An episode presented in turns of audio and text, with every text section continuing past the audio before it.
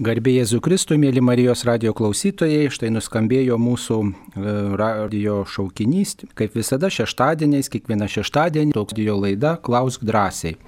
Mūsų radio laidoje dalyvauja kunigas Artūras Kazlauskas. Sveiki. E, sakyčiau, sveiki gyvi, bet bijau, kad kai kas gal ir serga, todėl sakau ramybės visiems. Taip, ramybės ir jums. Ir esu aš kunigas Saulis Bužauskas.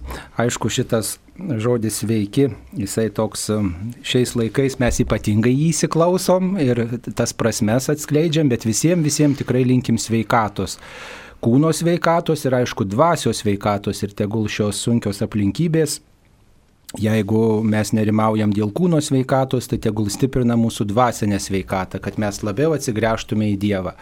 E, taigi skubame atsakinėti į jūsų trumpasią žinutės. E, taigi pirmoji žinutė. Kaip Marijos radijas apsaugo savo savanorius, juk vyksta laidos, adoracija ir kita, susirenka daug žmonių. Taigi, mėly Marijos radio klausytojai, norime Jūs informuoti, kad mes laikydamiesi Lietuvos Respublikos įstatymų, viskupų konferencijos e, nutarimų, tikrai viską darome pagal įstatymus ir bet kokie kontaktai apriboti. Ir tikrai visas laidas tengiamės daryti nuotoliniu būdu, kad nestatytume į pavojų nei jūsų, nei savanorių, nei kitų žmonių, nestatytume pavojaus e, ir savęs, nes norime, taip sakant, tęsti misiją. Ir Taip pat e, norime pasakyti, kad švenčiausio sakramento adoracija, kuri vykdavo Marijos radio koplyčioje, dabar vykdoma kitaip. Mes tiesiog esame e, prašomi melstis tų žmonių, kurie adoruodavo anksčiau švenčiausiai sakramentą, melstis tuo pačiu laiku namuose, skaityti e, maldas, kurios ypatingai skirtos Eucharistiniam pamaldumui, žadinti troškimą vienyti su Jėzumi. Ir tikrai viešpats turbūt gal net ir tiesiog labiau jūsų tikėjimą įvertins, atsižvelgs ir suteiks reikalingas malonės. Mes tuo tikime. E, na, Marijos radio koplyčioje vyksta trumputė adoracija, čia ateina keli darbuotojai, tai mes pasikeisdami truputį pabudim prie e, švenčiausio sakramento patys, truputėlį labai trumpai, e, kunigas aukoja šventasias mišes vienas, tai va tokia, tok, taip organizuojam šiuo metu mūsų tarnybą tarnystę ir savanoriai, kurie taisydavo laidas, tą bando daryti per atstumą, kai kurie darbuotojai taip pat per atstumą štai mums talkininkauja. Taigi labai atsiprašom, jeigu išlenda kokia klaidelė ar kažkoks neligumas Marijos radio eteryje, nes sąlygos tokios nelengvos, bet mes nenusimenam ir tikimės visų palaikymo, maldos ir supratingumo.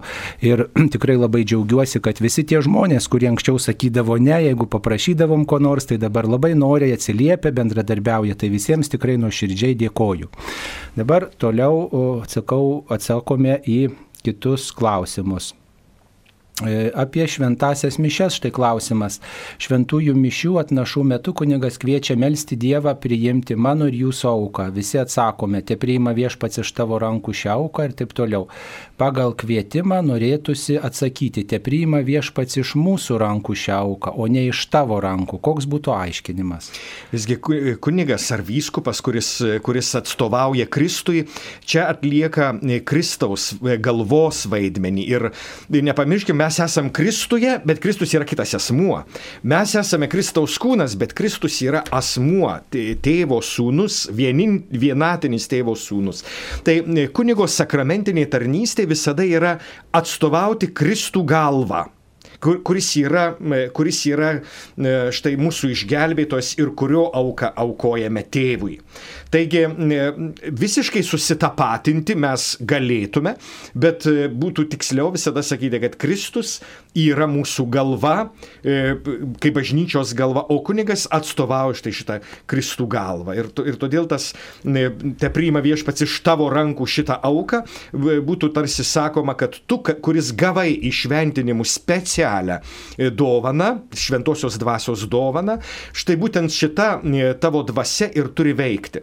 E, mes turime ir klaidą, e, kurią, kurią naudojame jau daugybę metų ir šitoj klaidoj E, tie, kas klausosi katechezės apie Eucharistiją antradieniais, e, e, mes esam kalbėję ne vieną sykį apie, apie tą klaidą. Viešpat su jumis ir atsakom ir su tavimi, iš tikrųjų ir su tavo dvasia. Pažodinis arba tikslus vertimas ir kuris tikrai bus ištaisytas leidžiant trečiąjį mišiolo leidimą ir lietuvių kalbą. Ir, tas ir su tavo dvasia reiškia, kad kunigas turi specialią dvasę atlikti savo pareigai. Taigi tai nėra Artūras, tai nėra nėra Saulis, tai yra iš tiesų Kristaus dvasia, kuri veikia štai e, liturgijoje. Taip, ačiū. Dabar dar vienas klausimas apie tai, kaip atlikti dvasinę išpažinti pandemijos metu, būnant namuose. Mėly Marijos radio klausytojai, primenu, kad penktadienį, tai yra vakar, 8 e, val. Kauno arkiviskupijos apaštalinis administratorius kaip tik tai šitą būdą pristatė. Tai jeigu jums yra galimybė, susiraskite šitą laidą ir galite išsameu pakomentuoti, pasiklausyti to komentaro. O kaip dabar trumpai galėtume gal atsakyti, kaip atlikti tą dvasinę išpažintį? Tai iš esmės yra žvilgsnis į Dievą ir jo gailestingumą ir jam atidavimas visų savo nuodėmių.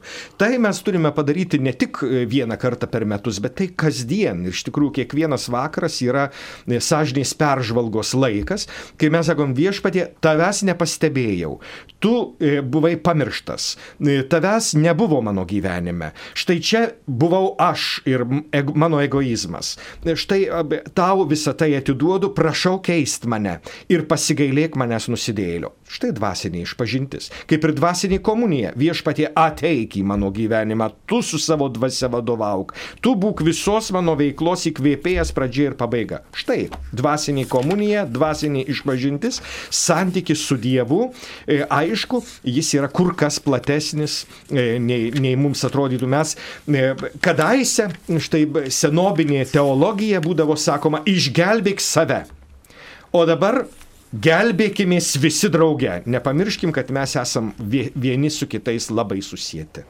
Noriu priminti, kad e, kiekviename maldynė yra e, tikėjimo, vilties, meilės ir gailėščio aktas. Taigi, e, sakyčiau, tai gali padėti mums štai tą gailestį sužadinti. Tas gailėščio aktas perskaitytas ir tą mišių maldą, mišių pradžio, pradžioje kalbama atgailos maldą, mes visi taip pat galime namie su gailėščiu tiesiog sukalbėti ir galime tiesiog na, apmastyti savo nuodėmės, kurias darėm ir ypatingai dėl jų gailėtis ir tikrai žvelgti į nukryžiuotą į namuose ir, ir persižegnoti ir sukalbėti tėvę mūsų maldą, tokiu būdu žadinti savo širdį dėl, e, dėl mūsų gyvenime, ypač pastaruoju metu padarytų nuodėmių, o ir anksčiau, jeigu jos kažkaip nebuvo išpažintos ar panašiai. Esant tokiai situacijai, ar negalima būtų atlikti išpažinti telefonu, jeigu turi pažįstamą kunigą kaip dvasios tėvą.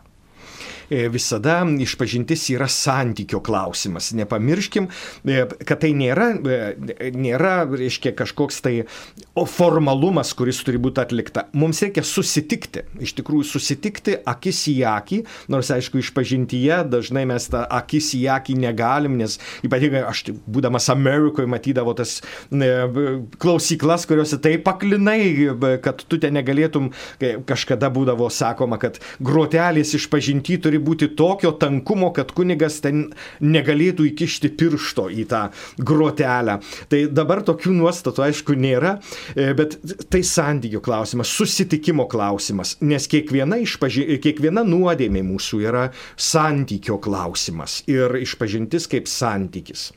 Taip pat dar yra vienas klausimas, o kaip iš tiesų būtų galima atlikti išpažinti šiuo laikotarpiu. Na, kunigai skelbia savo telefonus, e, jie yra internete, jie yra prie mūsų bažnyčios durų ir, ir galima susitarti asmeniškai iš tikrųjų, jeigu turim nors, kokias nors rimtas nuodėmės, kurias reikia išpažinti. Nestatykim į pavojų nei savęs, nei kunigų. E, šitas laikas yra izolacijos laikas vienam nuo kitų. Reiškia, tam, kad neperneštume viruso ir, ir statyti į pavojų, eiti bendrauti, susitikti, yra statyti į pavojų savęs save ir kitus. Tai jeigu turim iš tikrųjų sunkę nuodėmę, dėl kurios neleidžia mums gyventi e, ramiai ir štai šitą, šitą laiką mes turime kreiptis į kunigą, išpaži, išklausyk mano išpažinti ir nei vienas kunigas tau to neatsakys.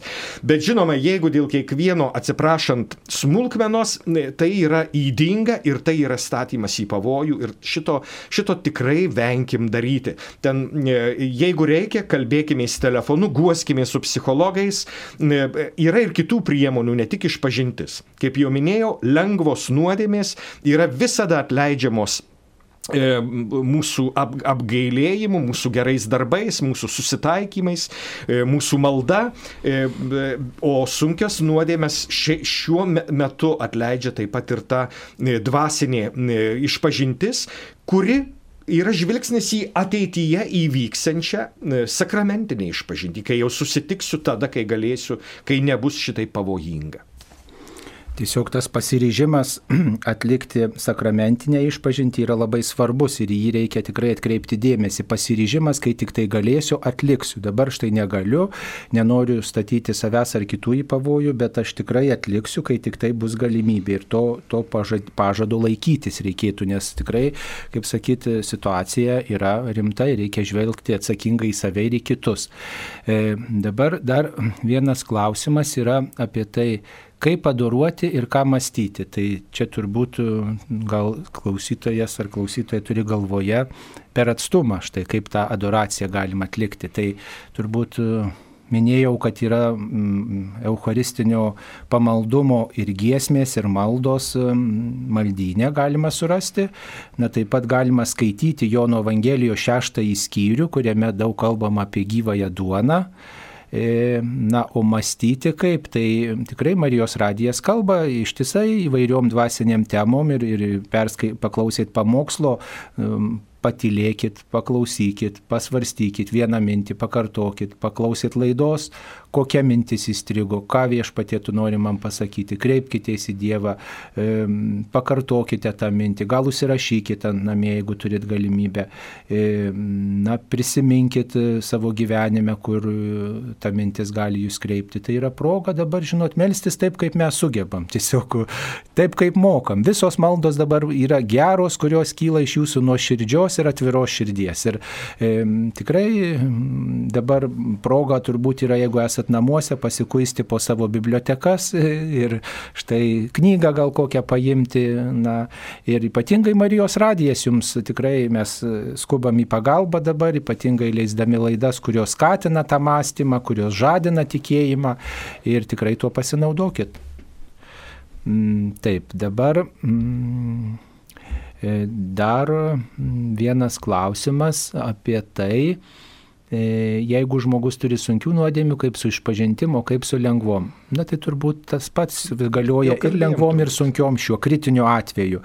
Kai jau bus galimybė, tai išpažinsit visas ir lengvas, ir sunkes, kai tik bus galimybė. O dabar žadinkite tokį gailestį. Tai yra e, na, apmaudą, liūdėsi dėl to, ką, ką jūs padarėte ne taip. Katalikų bažnyčios katekizmas kalba apie tą atgailą. Tai yra tobulas gailestis dėl nuodėmių, e, kad įžeidžiau Dievą, kad įžeidžiau artimą, kad tikrai skaudinau, kad nutolau nuo jo, kad paklydau. Ir, ir tiesiog nu, tokia situacija ir turim tą priimti kaip progą mums kitų būdų galbūt dabar stiprinti mūsų krikščionišką tikėjimą. E, dar vienas klausimas. E, Atsimenu Velykų laiku didžiojoje savaitėje Kristaus uždarimo į kalėjimą apeiga.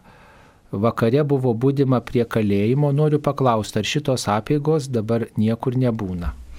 Iš tiesų, kartais kai kuriuose bažnyčiose e, būdavo įrengiamas garbinimo altorius, tarsi būtų Kristaus, ka, e, Kristaus kalėjimas, į kurį prieš laukiant didžiojo penktadienio, į kurį buvo uždarytas Jėzus ir visą naktį jis ten buvo laikytas.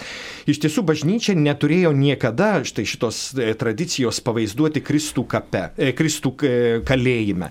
Tai buvo tradicija švenčiausiojo sakramento laikymo rydienos komunijai, didįjį penktadienį nebūdavo švenčiamos mišios ir todėl didžiojo ketvirtadienio vakarinėje liturgijoje būdavo e, paliekama duona rydienos sambūriui, kai bus, kai bus Kristaus kančios, Kristaus kryžiaus pagerbimo apėgos ir šitai komunijai buvo laikoma švenčiausiasis sakramentas.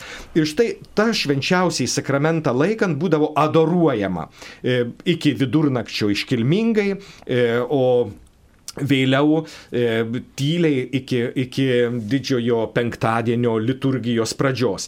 Taigi tai yra garbinimo laikas ir jis yra ir šiandien lygiai taip pat, tik jau e, kuris laikas yra skatinama neįrenginėti štai šito garbinimo altoriaus e, primenančio kalėjimą. Iš tikrųjų viešpats šiandien nėra kalėjime, jis yra sakramentinis, bet mums apmastant viešpaties kančią iš tikrųjų verta mąstyti, ypatingai domininkoniškoje kryžiaus kelio tradicijoje, kur mes, kur mes apmastom ir, ir tuos daugiau kryžiaus stacijų, e, reiškia, kur, kur viešpats iš tikrųjų yra ir kalėjime, ir vedamas, ir vedamas pas Aną, ir, ir, ir pereina e, upelį. Na, žodžiu, patys įvairiausi tie, tie apmąstymo variantai. Tačiau šiandien štai šito Kristaus kalėjimo, kaip, kaip garbinimo, kaip adoracijos objekto nėra. Tai daugiau yra šlovės, šlovinimo laikas Dievui, kuris mums save padovanoja kaip eucharistinę e, duoną, kaip eucharistinį pavydalą. Štai viešpats mums duoda dovaną - Eucharistiją. Taip, turime skambutį. Klausytoja Lina paskambino iš Alitaus rajono. Klauskite, prašau. Taip. Garbėzui Kristui. Per amžius. Mano klausimas būtų toksai. Ar klebonas turi teisę leisti priimti šventąją komuniją asmeniui, aiškiai matydamas, kad tasai asmuo yra gerai įkaušęs? Taip, supratome, ačiū. Kaip atsakytume? Jeigu jau labai įkaušęs, tai sakoma, eik ir įsipagiriok. Tai paprastai taip yra daroma, bet e, kartais tas gerai įkaušęs nebūtinai yra gerai įkaušęs. Galbūt tai ir įvairios lygos ir panašiai, ir tu negali, e, negali iš tikrųjų vertinti ir kartais, štai aš esu turėjęs iš tikrųjų panašią situaciją, kai, kai žmogus man atrodo girtas, o jisai iš tikrųjų yra sergantis. Ir, ir, tas, ir tai ne psichinės lygos klausimas, tai yra iš tikrųjų netgi fizinės lygos klausimas. Ir, ir jeigu būčiau nedavęs, būčiau sakęs įsipagiriok pijokę, aš būčiau įžeidęs žmogų, būčiau papiktinęs liaudį, kuri susirinko ir todėl aš rizikavau, bet paskui ačiū Dievui, kad rizikavau. Tai, tai reikia vis, visur laikyti sveiko proto ir, ir pagarbos, aišku. Tai, tai čia pagrindiniai turbūt dalykai. Taip, čia pats klebonas turėtų tą nuspręsti, iš šalies labai sunku pasakyti, arba jeigu jūs žinot, na tai gal kažkaip perspėkit, bet, žinau, dabar tikrai šitas, šitas klausimas dabar turbūt nelabai aktualu šito laikotarpiu. Apskritai, mastant, reiškia apie kodėl ne, e, apmastyti apie, ar gali girtas priimti komuniją. Iš tikrųjų ne. Nu, bet jie visai turbūt. Bet, gali. bet kas spręs, ar jisai girtas? Taip, Štai klausimas. Taip. Na, iš kur ta informacija? Jeigu žmogus mato, kunigas mato, na tai tikrai jisai per akimirką susi, turi susigaudyti. Žinot, kartais ta akimirka labai labai trumpa yra ir ne, ne visi mes esam tokios greitos reakcijos ir įvertinam tą galimą pavojų. Tai supraskite, kad gal kunigas ir ne, ne, nesusiorientavo tiesiog. Sunku pasakyti, reikia žinot konkrečias aplinkybės. Taip, dabar dar viena žinutė. Kaip parapiečiai galėtų prisidėti karantino metu prie bažnyčios išlaikymo, turiu omeny kunigus, mes dalyvaujam šventose mišiuose nuotoliniu būdu, bet valgyti reikia. Pasidalinkite mintimis, Daiva. Labai ačiū už tokį nu, rūpestingumą. Iš, iš tiesų daugybė kunigų pradėjo mąstyti, bet iš ko mes valgysim, dėl to, kad iš tiesų e, kai kurie atsisakė mišių, kurias buvo įsisakę, dėl to, kad patys nori juose dalyvauti. Kiti e, paliko štai, e, paliko mišes tokias, celebruokit be manęs, aš melsiuosi namuose. Kiti ir šiandien užsako mišes, skambina ar, ar, ar, ar, ar kitokiais būdais susisiekia raštiniais dirba, pavyzdžiui pavyzdžiui. Tai užsakyti mišes yra įmanoma ir telefonu, ir kitaip auka, kuri paprastai skiriama už šitokias mišes, nes tai iš tiesų kunigo pragyvenimo klausimas gali būti pateikiama ir, ir, ir pavedimu turbūt ir, ir, ir vėliau atnešama. Tai čia įvair, įvairūs tie dalykai, bet ačiū iš esmės, kad, kad jūs keliate šitą klausimą ir mastot. Tai iš tiesų su dideliu dėkingumu e, išklausiau šito, šito klausimo. Tai ačiū Dievui dabar yra ta internetinė bankininkystė ir tada galima tikrai pasinaudoti. Yra elektroninio pašto ryšys, galima parašyti klebonui, galima paprašyti pasimelsti už, už jūsų artimuosius, už jūsų sveikatą, dar kažką, jeigu norite auką pervesti tokiu būdu.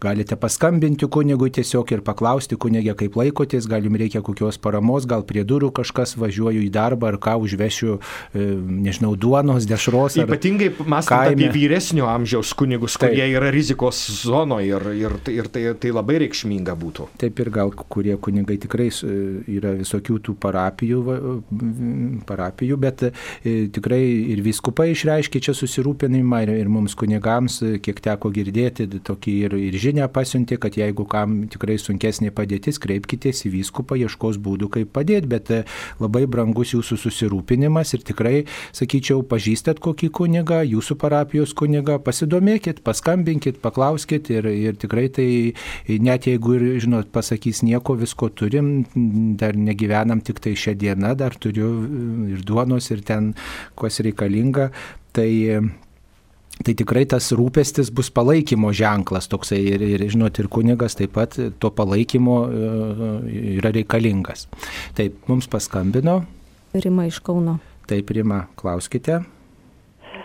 Norėjau paklausti tokį dalyką. 19 kovo labai girdėjau gerą Arturo Simonavičiaus pamokslą, homiliją.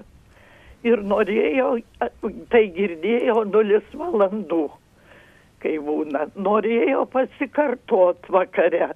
Ir dabar prašau direktorio paaiškinti, kodėl jūs išmetėt kovo 19 dienos Simonavičiaus homiliją, kur kalbėjo aiškiai apie žmonių elgesį bažnyčioj ir žmonių dvasingumą. Ir paskui norėjau pasikartot, buvo išmesta šitą homiliją, įkelta Vaitkevičiaus ir dvi dienas tą pačią kartoja Vaitkevičiaus homiliją, o Simanavičiaus homilija dingo. Ačiū už Jūsų klausimą. Tikrai čia nėra nei direktoriaus piktos valios, nei kieno nors kito, nei, nei, nei skambučio iš viršaus, nei, nei kažkieno blogos valios. Tikrai supraskite, kad laikas yra įtemptas ir mes mūsų ir taip jau normaliu laiku technika streikuodavo, už tai mes ir statom, statėm iki šiol naują Marijos radijos studiją ir, ir, ir su naujausia aparatūra, kad, kad tikrai nenutiltų Marijos radijas, nebūtų trikdžių. Supraskite, kad mes mes dabar dirbam šitom tokiom nelengvom sąlygom ir kartais tikrai ten įvyksta kai kurių tokių ir, ir nematot programos ir matot ne taip, kaip reikia ir kažkas ten dubliuojasi ir negirdit laiku ir, ir mes truputį ir tą programą pakeičiam, kad jinai skambėtų, kaip sakyti, aktualu būtų, kad tikrai ne, ne, ne, nekartotume to, kas na, dabar, sakykime, nelabai į temą būtų. Tai, e, tai tikrai ten tiesiog techninis toks nesklandumas, mes kalbėjom apie tai. E, mes pataisysim ir dabar operatorė dar pakomentuos. 19 dieną buvo užsitęsusios mišios iš Kaišėdorių ir mes nespėjom išleisti homilijos.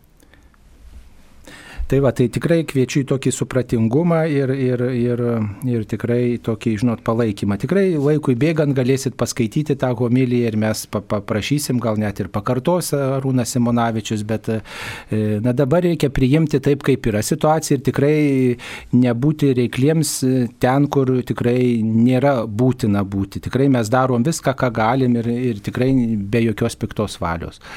E, taip, kita žinutė. Jėzus ragina nebijoti, turėti drąsos, bet vis tiek baisu, kai tiek daug panikos bažnyčios uždarytos. Kaip neprarasti vilties? Dėkui, klausia Alva. Pirma, bažnyčios atidarytos, taip kad visa, visas dienas galima bažnyčiose lankytis ir, ir vyskupai pažada, kad, kad kiek įmanoma, jeigu nesusidarys iš tikrųjų tragiška situacija, e, bažnyčios bus atidarytos, kad mes galėtume ateiti ir atskirai pavieniui melstis, e, melstis, adoruoti švenčiausiai sakramentą, e, bet būti, būti štai šitoj viešpaties artumoj. Kas yra krikščioniška viltis? Iš tiesų, jaunimas mūsų tai, tai jis yra ciniškesnis, o paskui ir suaugę paprastai taip sako, tai jaunimas apie viltį kalba trumpai drūtai, viltis tai durnių motina. Bet, o krikščionys iš tikrųjų viltį mato truputėlį kitaip. E, mes paprastai įsivaizduojam, kad viltis yra baigsis karantinas. Viltis yra baigsis karas, viltis yra pasveiksiu. E, štai viltį galvom apie ateitį. Vat kada nors bus geriau. Ir, ir, ir, ir, ir mūsų va, viltis dabar prastai, bet ateityje bus, bus geriau. Ir galvom, kad čia yra krikščioniška viltis. Tokia viltis gali būti tikrai durnių motina, bet krikščioniška viltis yra, kad tą sunkų laiką, sunkę situaciją, Dievas dabar gali perkeisti ir padaryti man išganingą. Štai tai yra vilti, krikščioniška viltis yra. Dievas veikia ne vėliau, bet dabar. Kai man yra sunku, Dievas veikia ir tą mano sunkumą gali padaryti išganingą. Na pavyzdžiui, uždarė mus visus namuose. Žiūrėkite, ko iš mūsų labiausiai prašoma. Niekur neik, sėdėk namie. Mažiau kontakto išoriai, mažiau, bendry, e, mažiau bendravimo su įvairiais žmonėmis, reiškia, izoliuokimės, kad neplistų virusas. Baisu, nesinori. Daugybė žmonių spirga, kaip nenori sėdėti namuose. O anksčiau troško sėdėti namuose, aš visą laiką turiu būti darbe, neturiu būti. Dabar prašoma sėdėti namuose. Reiškia, mums yra duota malonė sėdėti namuose ir niekur neiti. E, reiškia, šitas sunkus laikas mums yra, reiškia, viešpats ją perkeičia į kitą dalyką - bendravimas su artimaisiais, e, galimybę skaityti, galimybę melstis, e, galimybę padaryti darbus, kurių seniai nepadariau, laukiau ramesnio laiko. Štai, pat pažiūrėkim, viešpats mums duoda sunkų izolacijos laiką, bet iš esmės duoda, štai iš karto perkeičia mūsų situaciją, kasdienybę mūsų padaro kitokią. Tai čia yra viltis, kad viešpats veikia ir dabartį, mūsų dabartį, kuri yra sunki, nemaloni ir kaip mes ją apibūdintume, bet ją keičia ir daro mums išganingą. Beje, tik vienas Dievas blogį gali paversti gėriu. Mes to nemokam iš esmės. O jis kažkaip šitą dalyką sugeba padaryti ir mums taip niekada nebus aišku, kaip jis tai padaro, bet kad padaro taip. Blogį padaro išganingų ir gerų dalykų man, mano išganimu. Aš mąstau, pavyzdžiui, apie sunkes lygas, kurias išgyveno žmogus. Vėžį, dar kažkokį tai dalyką, kuris e, absoliučiai sujaukė gyvenimą, kuris tikras blogis. Bet paskui žmogus pradėjo kitaip mąstyti, kitką vertinti, pe, pakeitė gyvenimo stilių. Ei, e, atrodo tragedija ir jinai tapo naudinga, labai naudinga. Tai aš manyčiau, kad vat, tai, ir, ir tai, ką čia Marijos radijas kalba, ką bažnyčia nuolat sako, adoruokite, melskitės panašiai, būtent jauskite Dievo veikimą dabar nesvarstant apie tai, kas bus vėliau, bet kaip Dievas dabar veikia ir kaip Dievas šitą sunkę dabartį keičia man išganinga, man gera linkme. Mėly klausytojai, noriu priminti, kad Lietuvos vyskupai štai šiai sunkiai situacijai susikloščius išleido laišką gavėnios metui. Jį galite rasti lvk.com E, LT svetainėje ir perskaityti, ką siūlo viskupai, kaip šį laiką įprasminti. Ir ten vienas sakinys toks yra, kad e, kviečiame išvelgti naujas galimybės. Ir tiesiog siūlo septynes e, tokias septynis punktus, septynias galimybės. Skaityti šventą raštą, atnaujinti rožinio maldą, gailestingumo vainikėlį. Primenu mėlyms klausytojams, kad rožinį melžiamės mes Marijos radijas prieš šventasias mišes 11.30 ir vakare 18.30 galima melstis kartu, vainikėlį galima kalbėti 15 val. kartu su Marijos radija ir kartu su visais visame pasaulyje besimeldžiančiais, dalyvauti šventose mišiuose nuotoliniu būdu. Štai Marijos radijas transliuoja šventasias mišes kiekvieną darbo dieną 12 val. ir 19 val. susitaikyti su Dievu ir vienas su kitu reiškia, kalbėjom apie dvasinę išpažinti, susitaikyti su kitu, tai pasakyti kažką gerą kitam, atsiprašyti kito žmogaus, pabūti su savo vaikais, brangiais šeimos nariais. Va. E, ir viskupai tokį sakinį mums dovanoja geriausias imuniteto stiprinimas, meilės, širdžiai gražinimas. Štai tai tikrai gražinkim širdžiai meilę, meilę Dievui ir meilę artimui atrasti būdus, kaip savo bendruomenėse, maldos ir rašto studijų grupėse galėtume melstis naudodamiesi internetu. Taigi yra proga dabar pasižiūrėti, kokia mano parapijos interneto svetainė yra, kokia yra vienolyjų internetinė svetainė, kokios maldos ten yra siūlomos ir čia va toks būdas siūlomas. Ir taip pat Lietuvos viskupai kviečia kiekvieną vakarą 8 val. E, drauge su savo šeimos nariais melsti Šventojo Juozapo malda, e, kuri, kurią galima rasti liturginėme maldyne. Į tave palaimintasis Juozapai kreipiamės vargų spaudžiami. Taip jinai prasideda po Juozapo litanijos, jinai e, maldynuose įdėta ir ypatingai spalio mėnesiui skirta. Taigi šią maldą yra kviečiami melstis žmonės visi šiuo metu ir vienytis kartu drauge, pajusti, kad ne tik aš čia vienas, ne tik aš čia kažkoks kunigėlis patarė melstis, bet mes kartu su viskupais, kartu su visais tikinčiaisiais vienu metu šaukėmės e, dangaus šventojo, kuris ypatingas mūsų bažnyčioje ir, ir, ir jo prašom, kad jis daugybę kartų padėjęs e, šventajai šeimynai, bažnyčiai padėtų ir mums. Tai taip trumpai atsakytume, e, turime skambutį. Algis iš aukštaitijos. Taip, klauskite. Garbė Kristui. Per amžius. Esu vyresnio amžiaus ir atsimenu vaikystėje gavėnios laikė buvo kažkuris tai penktadienis, vadintas Adomo išvarimo iš rojaus penktadieniu, tada liepdavo susipykusiems susitaikyti ir, ir visa kita.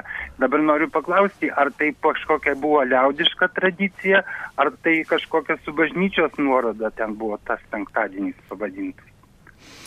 Aš pirmą kartą girdžiu tokį įdomų, įdomų dalyką, pasidomėsiu ir kada nors atsakysiu, jeigu kur nors surasiu. E, gali būti, kad tai yra kažkokios parapijos arba kažkokios tai teritorijos tradicija, apie kurią tikrai niekada gyvenime nesu girdėjęs. Labai ačiū, labai įdomus, įdomi tema. E, šiaip jau Adoma ir Jėva minimi, e, reiškia, kūčių dieną yra tiesiog vat, senajam liturginiam kalendoriuje. O šiaip tai penktadieniais yra proga prisiminti Jėzaus kančią. Kiekvienas penktadienis ypatingai per gavėnę tam skirtas, tai galbūt ir kiekvieną penktadienį galima sakyti, kad prisimenam Adomo nuodėmę, tą pirmą neklusnumą, maištą ir tai yra proga susitaikyti su Dievu, pagerbti Jėzų Kristų, kuris atėjo Adomo ir mūsų visų nuodėmę atleisti. E, taip, tai ačiū. Dabar toliau žinutės skaitome. Na, čia e, klausia, kokiais žodžiais ir kokia malda reikia melstis, kad Dievas sutramdytų šį koronos virusą. Gal yra numatytas laikas, kada mes visi kartu galime prašyti Dievo pasigailėjimo ir gailestingumo. Taigi, ką tik ir pasakiau, kad 8 val. vakare e, vienijamės visi trumpa malda į, į, į šventąjį Juozapą. Bet taip pat esate kviečiami klausyti šventųjų mišių per Marijos radiją, taip pat mes kviečiame e, ir tas mišes mišes įsijungia ir viskupai aukoja ten, kur įmanoma ir kur yra aparatūra tose katedrose, kur nereikia nieko, kuo mažiau žmonių, kad, kaip sakant, galėtų judėti, kad nieko nestatytume į pavojų, kad na, parodytume ir artimo meilę, ir vykdytume bažnyčios ir valstybės įstatymus, nutarimus. Taigi kviečiame melstis draugė ir klausytis nuolat Marijos radiją. Ypatingai vyresniems žmonėms tokią galimybę suteikit, pasidomėkit, kas jūsų aplinkoje yra vyresni žmonės ir, ir prašykit, kad jie ne tik tai gal baimintųsi e, dėl šitos grėsmės savo sveikatai, bet kartu jie būtų irgi gelbėtojais, kurie ne tik tai klausosi, žavisi Marijos radijo ar, ar ten pergyvena, bet kad jie irgi melstųsi ir savo silpnumą skirtų Dievui kaip kryžiaus dalį. Tiesiog tokiu būdu užtartų tuos žmonės, kurie dabar yra tuose fronto linijose, gydo, slaugo ligonius ir kad jų ta kančia, vargas, e, na taip pat va, turėtų dalį Kristaus kryžiuje, kad mes visi, kais, kaip galime, grumtumėme su šia, su šia neganda. Gydytojai grumėsi tiesiog žinia savo, e, taip sakant, ir, ir, ir rekomendacijas teikdami mes, kurie esam tikinti žmonės, melzdamiesi už gydytojus, už vaistininkus, už vienas kitą, patys neprarasdami vilties ypatingai, vienikimės tuo metu, kai yra Marijos radio maldos laikai, apie kuriuos ką tik minėjau. Taip, mums paskambino. Irena iš Kelmės. Taip, klauskite Irena. Irena, jūs eterija, klauskite. Aš noriu e, kunigo Arturo Kazlausko paklausyti, jis yra išleidęs rinkinį maldinėlį ir jis labai labai didelė geros maldos, mėlynės ir norim jų daugiau gauti, bet mes nežinom, kur gauti. Išleista 97 metų. Kario maldos vadovas yra išleistas kariams ir, ir E, šiuo metu yra planuojamas naujas jo leidimas, bet jį reikėtų peržiūrėti ir papildyti.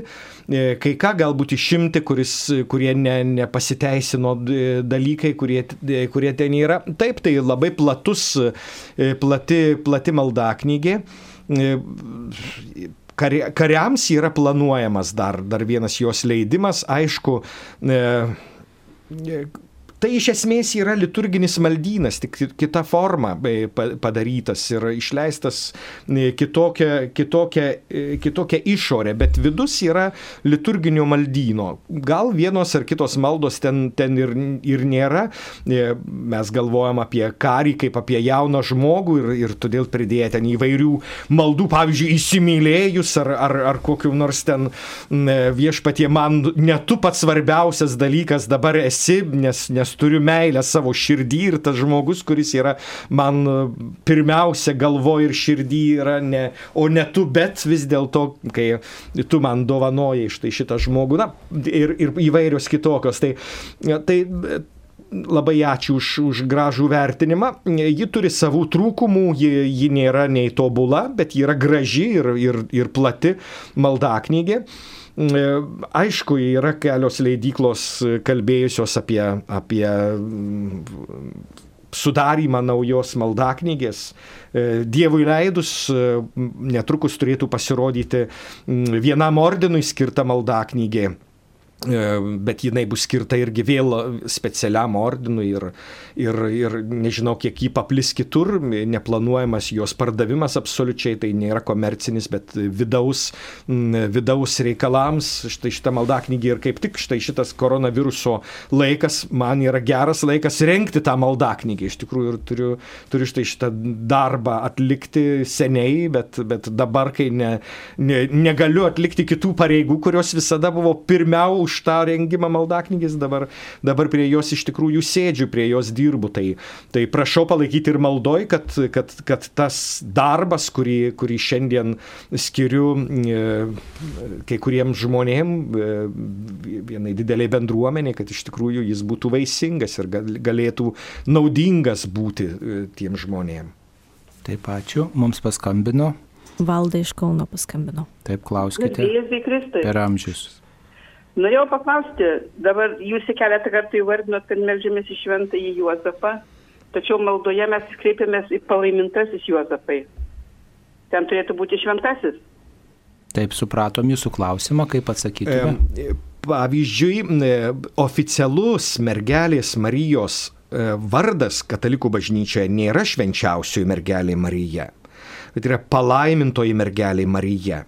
E, reiškia, tai žvilgsnis yra ne į tai, kad vienas šventas, kitas palaimintasis, taip kaip mes dabar turim štai šituos pavadinimus. Jeigu jūs e, klausotės e, Euharistijos maldos, kai mes su palaimintaisiais apaštalais, pavyzdžiui, mes irgi daugybėj vietų naudojam tą palaimintasis. Reiškia tas, kurį, kurį Dievas apdovanojo įvairiomis malonėmis. Reiškia, palaimintasis yra tas, kuris gavo daugybę dovanų iš viešpaties. Nemaišykim e, e, e, tų kanonizacijos ir beatifikacijos procesų, kurie, kurie vyksta. Tai yra visai kitas procesas. Palaimintasis asmuo, pavyzdžiui, Teofilius Matuljonis arba Jurgis Matulaitis, kuriuos mes turime Lietuvoje, arba Mykola.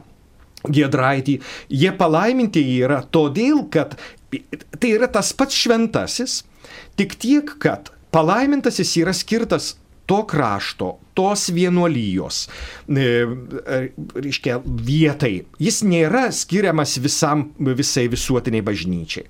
Tačiau jeigu jis yra toks reikšmingas, visuotiniai bažnyčiai, tada jis yra kanonizuojamas ir sakoma, jis yra šventasis, tai yra visos bažnyčios herojus, taip turbūt įvardykime.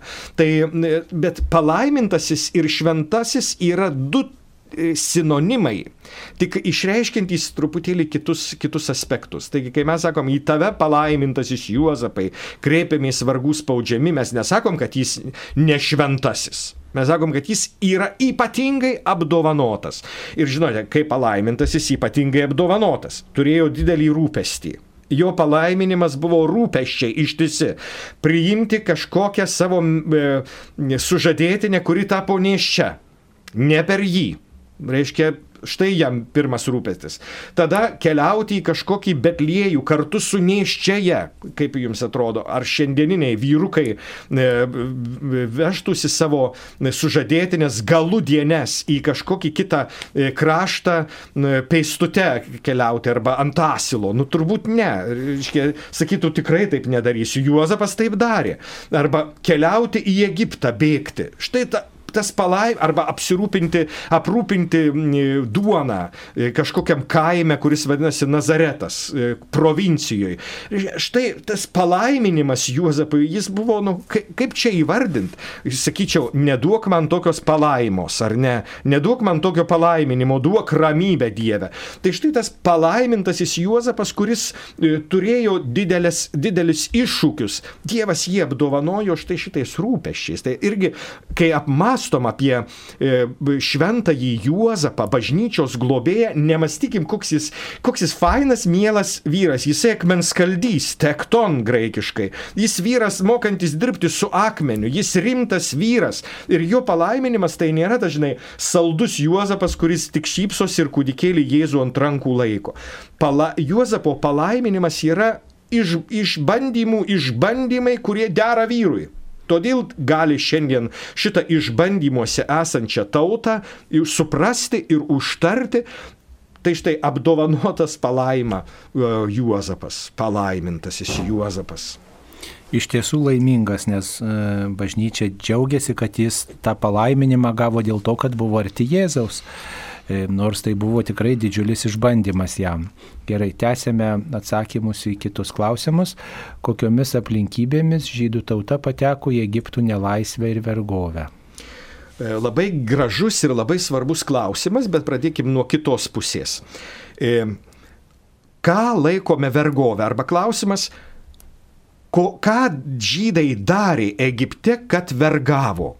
Ir tradiciškas atsakymas, kurį išgirstu iš vienuolių, iš, iš kunigų, dirbo.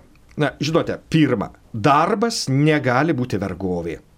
Sunkus darbas negali būti vergovė, nebent dirbama dėl pinigų. Tai tada pinigai yra tikra, tikras dievas ir mes dirbam dėl pinigų. Reiškia, e, žydai ne dėl to, kad dirbo, vergavo. Žydai buvo Egipte tai yra Egipto žemėje, kuri priklausė svetimam dievui faraonui. Reiškia, Dievo, dievo tautos vergystė buvo žemėje, kuri priklauso faraonui, o faraonas yra dievybė.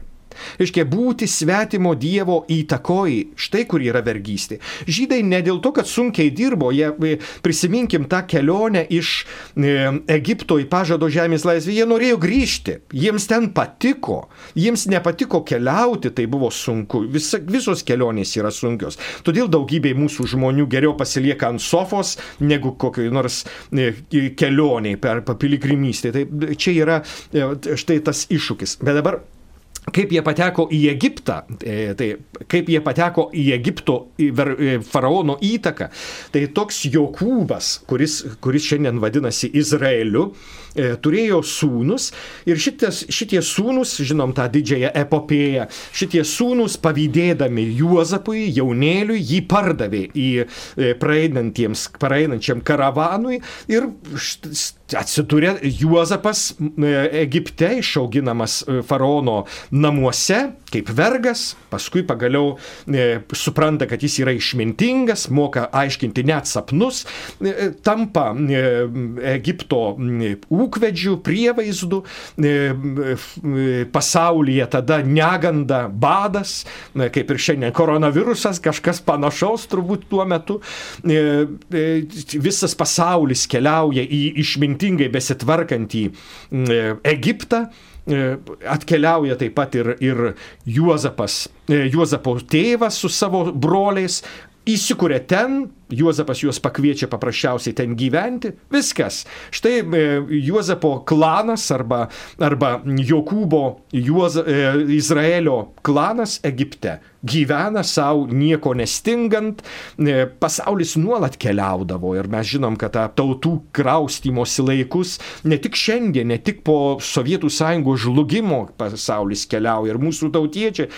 Visą laiką buvo keliaujama ir mes šiandien žinom, dar 5000 turi parkeliauti keliauti į Lietuvą štai šitom dienom. E, tai keliavimas yra nuolatinis dalykas. Tai, tai štai ta Dievo tauta Izraelis atsiranda Egipte ieškodami gero gyvenimo, pabėgdami nuo, nuo bado, kuris siaučia visame pasaulyje. Ir tiek, ir paskui labai svarbu ta, tas Biblijoje užsiminta e, e, į, ant, į faraono krėslą sėdasi faraonas, kuris nieko nežino apie Juozapą, kuris nieko nežino apie tuos senuosius laikus, kokia atrodo, žinote, nebuvo, nebuvo rašto taip išvystyto, nei kompiuterių, nei knygų tuo metu nebuvo taip leidžiama kaip šiandien.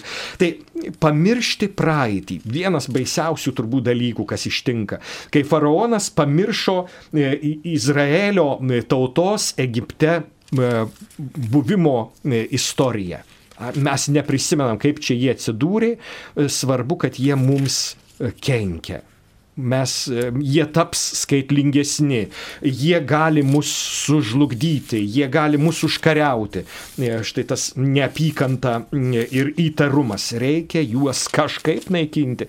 Beje, šiandien kažkas panašaus yra ir tam tikrose kitose tautose, kurios, e, kuriuo mes girdim ir etninius valymus, ir, ir neteisėtas statybas, ir sienų statymus, ir šventoji žemė. Kažkas panašaus tada štai, štai nepasitikėjimas pasitikėjimas, susivėrimas nuo vieni kitų, mm, noras pavergti, noras, noras išvaryti kažkokiu tai būdu. Ir šiandien to pati istorija vyksta 21-ame e, amžiuje mūsų moderniame, elektrifikuotame, kaip sakytų kokie nors mm, marksizmo-leninizmo pradininkai pasaulyje.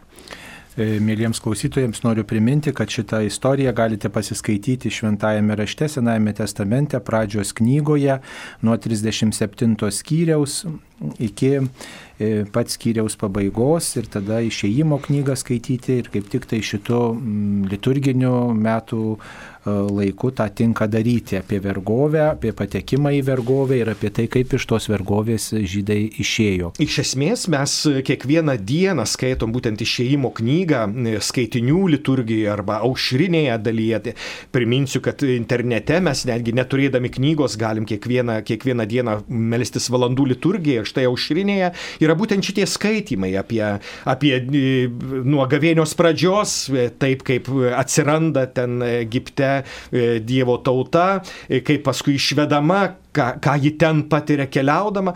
Iš tiesų tai gavėnios laikas, kelionė su, su, su Kristumi, kelionė. Nepamirškim popiežiaus e, Pranciškaus sparnuotojo e, posakio, kurį jis, jis davė jaunimui. Kelkitės nuo sofos ir maukitės žygio batus. Tai yra krikščionio gyvenimo stilius. Reiškia, nuolat judėti, nuolat verštis. Kai šiandien esame uždaryti e, namuose, tai verštis dvasia ir, ir keliauti dvasia, aš pasižiūrėjau internete, kiek yra siūloma, pakeliaukim po Lietuvą virtualiai, pakeliaukim po teatro užkulisius virtualiai. Pasirodo, mes sėdėdami namuose jau galim keliauti, keliauti, keliauti. Šitas veržimasis į priekį, ėjimas pirmin, neapsiribojant tik sofą ir šaldytuvu yra labai labai svarbus. Taip, ačiū Jums, dar mums paskambino. Jonas iš Molėtų rajono. Taip, Jonai, klauskite. Labadiena. Labadiena. Garbėjus Kristui. Per amžius. Norėjau paklausti iš visuomenės, ar ne Dievo rykštė tik pasaulį tvarko, a? Taip supratom, ar ne Dievo rykštė, ar ne Dievo bausmė. Oi, e, galime skaluoti visaip, e, visaip šitą dalyką. E, Žinote, sakoma, kad Dievas yra teisingas ir gailestingas. Aš nemanau, kad Dievas duoda įvairiausias rykštės, kuriomis nori kažką nubausti. Kad jis bando kaip geras tėvas kažkaip prakalbinti, štai didysis tas dalykas. Ir aš tikrai manau, kad Dievas nori mus prakalbinti. E, Saugokim gamtą. Kažkas yra sakęs, kad e, Ki- Kinija pagaliau pamatė Saulę šviečiančią, nes manė, kad Saulė visą laiką yra e, migloj, kad Saulės nėra ryškios. Pasirodo, kad, kad kai nedirba fabrikai, kai ne, nevažinėja taip mašinos, yra įmanoma kitaip kveipuoti, kitaip matyti dangų. Jis žydras pasirodo dangus, ne kažkoks tai nuolat pilkas ir tik pilkas ir niekaip kitaip kaip tik pilkas. Tai kad šitas, šitas laikas yra Dievo kalbinimas. Rangėjai, šiandien uždrausta yra vaikus mušti rykštėmis. Anksčiau tai duodavo kaip pasiutę tėvai ir mokytojai ir kunigai ir vienuolės e, mokyklose. E, reiškia, Nes manė, kad, kad per rykštę gali įkrėsti proto. Iš tikrųjų, turbūt kažkada ir būdavo taip įkrečiamas protas. Aš nemanau, kad Dievas mano, kad per rykštę galima proto į- įkrėsti. E, Kad Dievas kalbina ir nesiliauja kalbinės, ištisai mus kalbinės, pačiais įvairiausiais būdais, pačiais įvairiausiais nutikimais, tikrai taip. Bet jis nori prakalbinti, atsigręžti į jį ir vieniems į kitus. Štai pagrindinis dalykas, kurį mes gavom. Šita rykštė mus uždarė į namus, kad atsigręžtume vieni kitus. Ei, štai tau rykštė. Būk kartu su kitais. Kai kam tai iš tikrųjų labai sunku. Taip, tai rykštė gali būti ir kai žmogus tikrai daug uždirba, viskas labai gerai sekasi, tai taip pat gali būti rykštė. Tai, na, kaip sakant, klausimą keldami, kur mes tada, kokio atsakymo tikimės. Jeigu taip tai rykštė, tai tada, na ir kas iš to? Tikra rykštė. tai tada tikrai sukandę dantis kenčiam ar burnojam prieš Dievą, taip tai nerykštė, tai tada kas? Tai tada tai yra galimybė, kaip dabar viskupai sako, sunkus išbandymas, ką mes galim tam išbandymę padaryti. Atsigręžti į Dievą, tai yra proga, atsigręžti į artimą, apmastyti savo gyvenimo istoriją, pasikeisti ir ryštis gyventi kitaip. Ir galų gale, jeigu tokia viešpaties valia, pasiruošti iškeliauti, nes vis tiek vieną dieną reiks iškeliauti. E, Bažnyčia visada sakė, kad mirtis nėra pats baisiausias dalykas. Pats baisiausias dalykas yra nuodėmė, sunki nuodėmė. E, Mes bijom mirties, bet nebijom nuodėmės. Štai kur yra didžioji, di, didžioji rykštė mums visiems. Taip, kur per paskutinę vakarienę buvo Marija Jėzaus motina, neminima niekur. E, b- Marija, Dievo motina, e, buvo tikrai su apaštalais paskutinės vakarienės būte, kai gavo šventąją dvasę. Ir tai yra minima apaštalų darbų knygoj. Ar, e, ar Marija buvo tada, mes to nežinome. Iš, tik, iš tikrųjų, manoma, kad ne. Bet gali būti, kad ir buvo. E, Jėzus su mokiniais sėdosi valgyti, tai mums iš karto 12. O gal 72? Na, 12, bet kokiu atveju tą žinią paskleidė visiems ir perdavė ne tik 72 e, mokiniams. Taip toliau bandom atsakyti į klausimus, ar tuos, kurie mirs nuo koronaviruso, bus privaloma deginti. Valstybės, valstybės nuostatose, kurias aš skaičiau Delfi portale, yra rekomenduojama deginti, bet, bet ne visi turbūt galės būti sudeginti, paprasčiausiai dėl to, kad keidainiai, kurie vieninteliai krematoriumo paslaugas gali teikti, ne, nesuspėja jau dabar, kai dar nuo koronaviruso nėra, nėra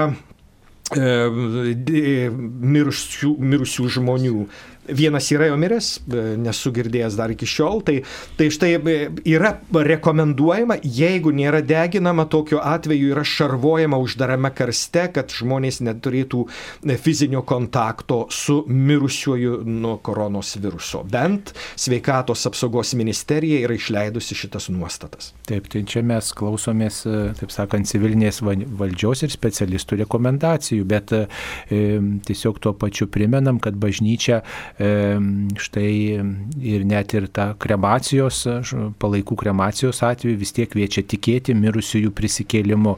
Ir kad e, tikrai na, tai palaikus palaidoti reikia ir kaip tik tai e, išleidę viskupai e, informaciją tikintiesiems dėl silovados karantino sąlygomis ir Štai taip pat yra e, ir apie laidutuvės rašoma, kad laidutuvių mišios užmirusi jie aukojamos, nedalyvaujant žmonėms, o apėgos atliekamos tik kapinėse.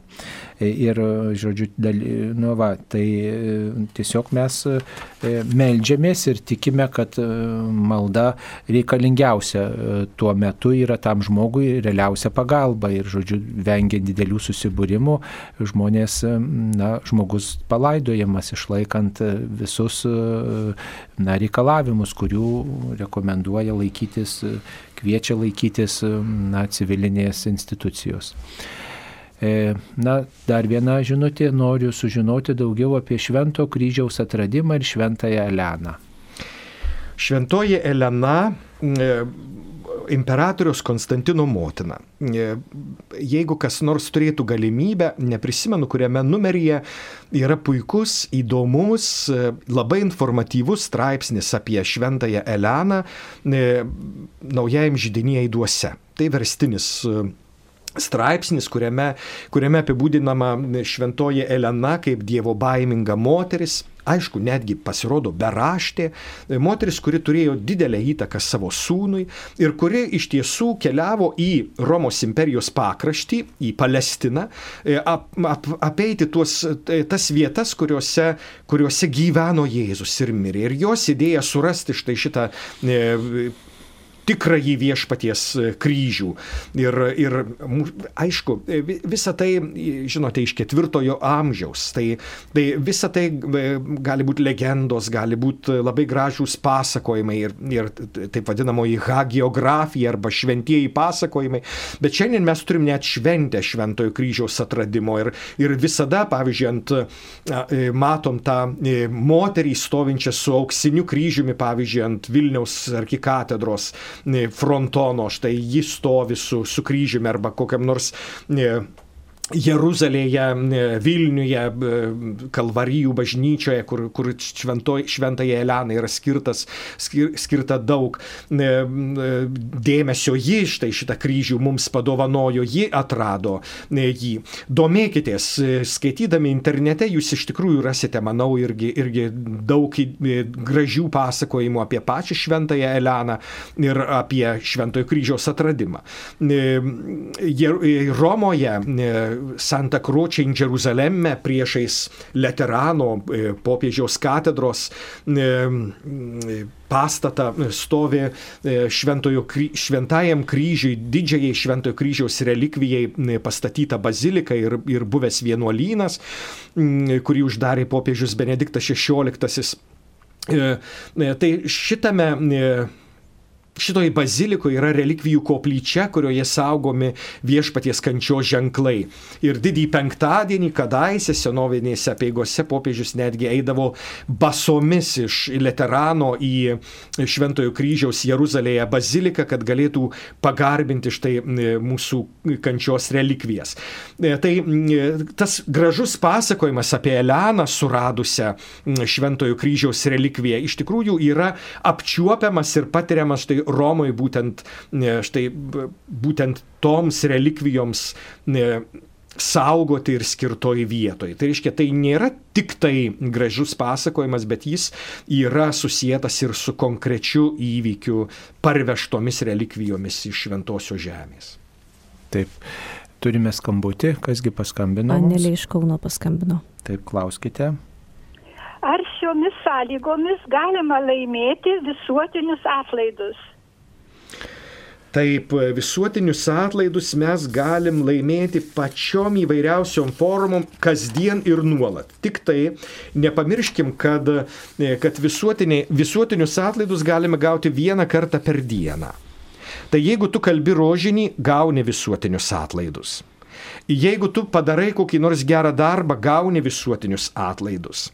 Jeigu tu meldiesi, meldiesi arba sunkiai išgyveni lygą ir aukoji savo kančią, štai savo su, su Kristum, su bažnyčia vienyje, gauni visuotinius atlaidus. Reikia tik dabar kunigas Saulis patikslins, nes šiomis dienomis irgi aprobuoti buvo ir Enkiridionį indulgencijarum dokumentas, kuriame yra tiesiog sąrašai, kaip ir kada ir kokiomis sąlygomis yra gaunami visuotiniai atlaidai. Tai, mėly klausytojai, vakar kaip tik tai perskaitėme šį dekretą, paštališkosios penitenciarijos dekretą apie suteikumus specialius atlaidus tikintiesiems esantiems dabartinėje pandemijos situacijoje.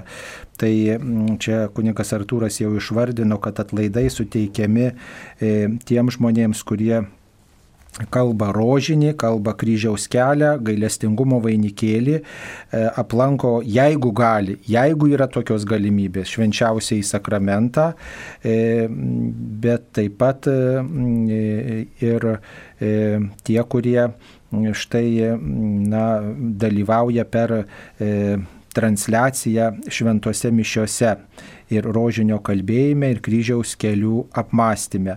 Ir, žodžiu, tam, tas raštas, ta, rašome tame rašte, kad visuotiniai atlaidai suteikiami ligonėms, kurie štai paliesti koronaviruso yra karantine ir jie dvasiškai jungiasi į mišio auką, jeigu turi tokią galimybę, jeigu jie štai vienijasi su popiežiumi ir meldžiasi jo intenciją, taip pat medicinos darbuotojai ir jų šeimų nariai taip pat gali gauti tuos visuotinius atlaidus, jeigu jie štai na, vienijasi su popiežium, su bažnyčia, meldžiasi įprastas maldas Tėvė mūsų, sveika Marija ir tikiu Dievą Tėvę, Dievą Tėvą ir, ir turi tą troškimą, reiškia gauti tą atleidimą, išlaisvinimą iš nuodėmių pasiekmių. Ir taip pat visi tikintieji ir aišku, jau jeigu net ir yra tas mirties pavojus, gauna visi tuos visuotinius atlaidus, bažnyčia skuba ir teikia dvasinę pagalbą. Tik tai mes negalim sakyti, ai, aš va, kažkada meldžiausi, tai dabar štai jeigu mirsiu, gausiu. Dabar turime melstis, dabar turime tas praktikas atrasti, kurias nuolat Marijos radijas siūlo ir kurias dabar ypatingai kiekvienas esat kviečiami atrasti su kartu su Marijos radiju arba privačiai su savo šeima. Tai dar šį vakarą ganytojo žodžio laidoje apie 18 val. dar kartą mes tą laišką perskaitysime ir tikime sulaukti viskupų komentaro trumpo. Taip atsakytume. Kas šiais laikais ir šiomis dienomis yra tas gyvasis vanduo, kurį duoda Kristus, kaip jo rasti ir kur jis trykšta, kur jo versmė, apie kokį vandenį jis tada kalbėjo.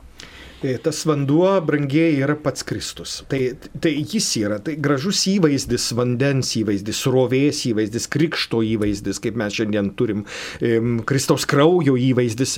Tai visa tai, kas teka, kas yra gyva, mes, mes, mes matom upelį tekam kaip bala, tai žinoma, tenai ne, ne, ne, koks, ne, ne koks tas, tas vanduo, žinoma, sudramstas ar koks nors kaip kokio Venecijos kanaluose. Bet štai gyvasis vanduo tai yra pats Dievas. Dievas yra gyvas. Ir mes turim šventą šventosios dvasios įvaizdžius - vandenį, ugnį, tai, tai vėją, tai kas juda, tai kas, tai kas veržiasi, tai kas yra neusistovėję, tai kas yra gyva. Todėl mes sakom, kad krikščionys yra gyvi tik jeigu juda, jeigu veržiasi į priekį.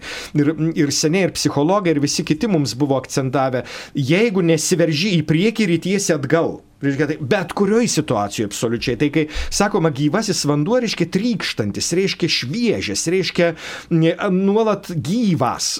Tai yra Dievas. Ir tai yra Kristus. Ir, ir tai, ką mes čia šiandien kalbam apie maldą, apie mąstymą, apie dalyvavimą per radiją arba per televiziją įvairiausiose mišiuose, visokiose celebracijose, tai prisilietimas prie viešpaties. Pats svarbiausias dalykas - prisiminti, kad jis yra šalia. Jis yra gyvybės šaltinis. E, įvaizdžiai, įvaizdžiai mums padeda suvokti, kaip atrodo tas gyvybės šaltinis arba gyvasis vanduo. Bet tai yra pats Dievas. Tėvas ir sūnus ir dvasia. Štai yra mūsų gyvybės šaltinis, tai yra gyvoji versmė. Kitaip sakant, Jėzus kalbėdamas apie gyvąjį vandenį, kurį jisai teikia, tai kalba apie Dievo artumą, kuris ateina per tikėjimą Jėzumi Kristumi. Dabar padarykime pertrauką. Jūs girdite Marijos radiją.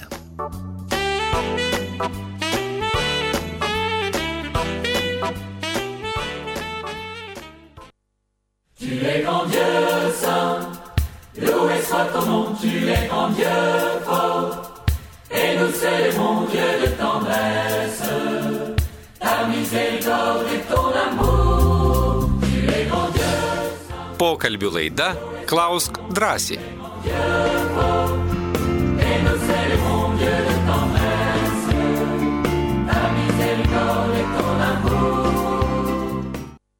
Tęsėme laidą Klaus drąsiai. Šioje laidoje dalyvauja kunigas Artūras Kazlauskas, besidarbuojantis Kauno arkikatedroje bazilikoje ir taip pat esu aš kunigas Saulis Bužauskas.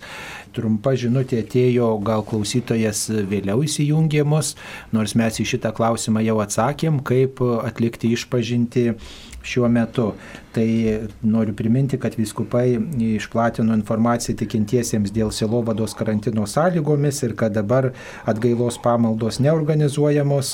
Kunigai jau esant būtinam reikalui gali išklausyti šiuo metu tikinčiųjų išpažinčių, tačiau kviečiame nestatyti nei savęs, nei kitų į tokį pavojų ir kai nėra galimybės atlikti sakramentinę išpažinti, rekomenduojama atlikti dvasinę išpažinti. Ja sudaro tobulas gailestis dėl nuodėmių, maldos iš maldaknygės skaitimas, liturginė maldynė yra ta malda, ji vadinasi atgailos aktas, yra nuodėmių prisiminimas, prisipažįstu visagaliam Dievui, tos maldos kalbėjimas ir noras taisytis ir pasiryžimas, kai tik bus galimybė atlikti sakramentinę išpažinti. Ir tas tobulas gailestis tai yra gailestis dėl to, kad įžeidžiau Dievo meilę. Taip trumpai atsakytume, konkrečiai glaustai. Taip, dabar dar vienas toks klausimas žinutė, šią pandemiją kunigas vadino Dievo gailestingumu mums. Kaip tai suprasti? Iš dalies atsakėm, dabar gal nebet ką pridėtumėt trumpai. Na, Pirmas Jėzaus žodis Evangelijoje yra atsiverskite. Reiškia, keisk kryptį, keisk mąstymą, keisk kelią. Reiškia, mūsų, mūsų apskritai krikščionių, krikščionių būdas būti tai vis bandyti kitaip suprasti, vis tas, žinai, taip radom, tai paliksim krikščionių netinka. Tu, turi judėti, turi eiti į priekį, kaip sakau, veržimasis į priekį, veržimasis pirmin. Tai, tai Dievas iš tikrųjų nori mus prakalbinti ir, ir perkeisti mūsų gyvenimą, padaryti jį šventą, padaryti jį tikrai žmogišką gyvenimą. Tai jis naudoja pačias įvairiausias priemonės. Kai kurie akcentuoja apie tai, kad Dievas tave nubaus arba Dievas baudžia, Dievas plaka rykštėmis. Dievui ir, ir ką, kas iš to, ko Dievas nori nubausti? Ne, Dievas nori patraukti prie tavęs, prie, ta, prie savęs savo širdį. Dievas nori tave turėti. Skaitykim ir medituokim sūnaus palaidūno arba, arba išprotėjusio tėvo, kaip kai kas vadina palyginimą, kurį Jėzus, Jėzus mums pateikia. Du sūnus, kurie yra beširdžiai, o tėvui pats svarbiausias dalykas, kad tu, vaikeli, būtum su manimi. Štai Dievo troškimas - patraukti prie, save, prie savęs mane, mano širdį. Čia yra Dievo gailestingumas ir jis tai daro įvairiausiais būdais. Net kai aš nu, nulūžau koją prieš keletą metų, tai irgi buvo Dievo gailestingumas man parodytas. Oi kaip nebuvo malonu, bet Dievo gailestingumą apkabinau ir tiek. sustabdė kuniga.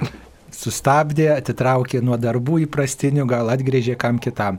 Kodėl visagalis Dievas aukojo savo sūnų, ar jis nėra visagalis? Tai turėjo būti isto... e, Kristaus kančios e, istorija, Kristaus kančios įvykis, jis yra toks platus ir toks gilus, kad e, klausk drąsiai laidoje mes nepajėgsime apie tai pasižiūrėti. Ką reikėtų pasakyti? Kadangi žmogus yra toks gražus ir toks niekšiškas viename asmenyje, tai Dievas e, tapo žmogumi, kad galėtų parodyti, kaip atrodo tikras žmogus.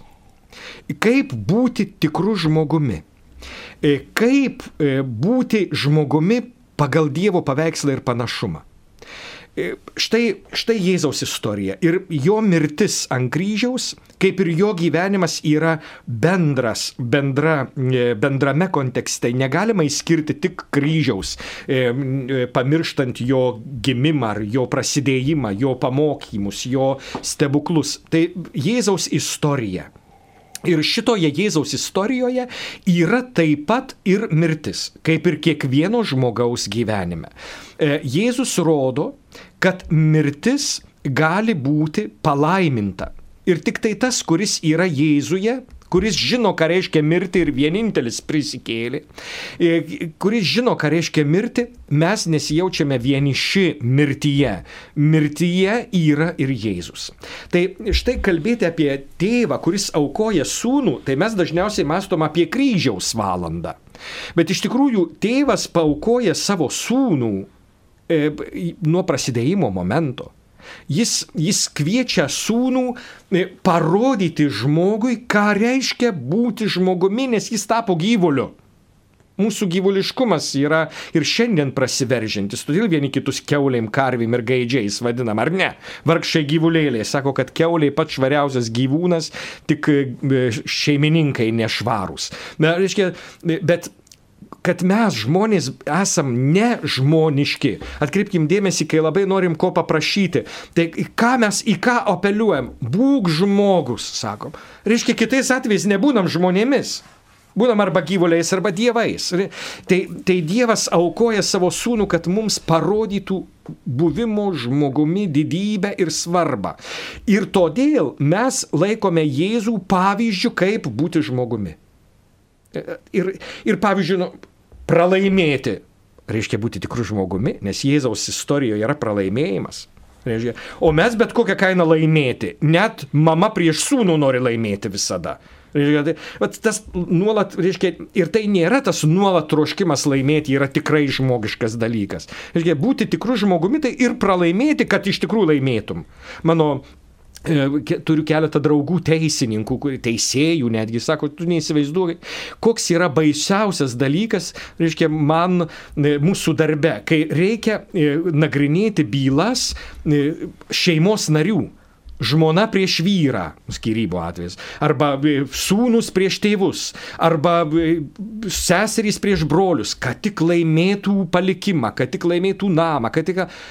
Ir kažkas laimi namą, bet pralaimi broliškumą ir seseriškumą. Ir žiūrėk, pasirodo, tas laimėjimas iš tikrųjų yra tikras pralaimėjimas. Tai štai Jėzaus istoriją apmastyti, todėl bažnyčia kviečia apmastyti Jėzaus istoriją, medituoti Evangeliją. Kas tai yra? Tai yra Jėzaus istorija. Kad persimtume Jėzaus e, tuo buvimu ir ką jis duoda mums, mūsų keliui, mūsų gyvenimui. Kaip jis gali perkeisti mus. Todėl sakome, kad Jėzus yra centras mūsų gyvenimo, kad svarbiausias asmuo mūsų gyvenime. Nes jis rodo kryptį, rodo stilių, rodo buvimo žmogumi esenciją. Kaip būti iš tikrųjų žmogumi. Štai Dievo auka žmogui, kai, kai parodoma žmogiškumo elementai e, Dieve tapusiame žmogumi. E, taip, e, toliau turime skambutį. Klausytoja Genė iš Vilnius. Taip, Genė, klauskite. Garbė Jėzui Kristui. Per amžius. Čia norėjau paklausti apie Jozapo maldą, taip meldžiasi, Jozapai padėk, Jozapai saugok, o tai ką mes Jėzų Kristų nurašėme, padarėme neįgalų į Jėzų Kristų. man Jėzus Kristus įgalus. Ir, ir koronos atveju, viruso atveju gali padik, padėti tik Jėzus Kristus. Kaip Biblija sako, eidamas ant kryžiaus, jis pasimė mūsų lygas ir negalės norėjau va tiek pasakyti. Taip, labai ačiū. Ką pridėtume? Jėzus yra centre.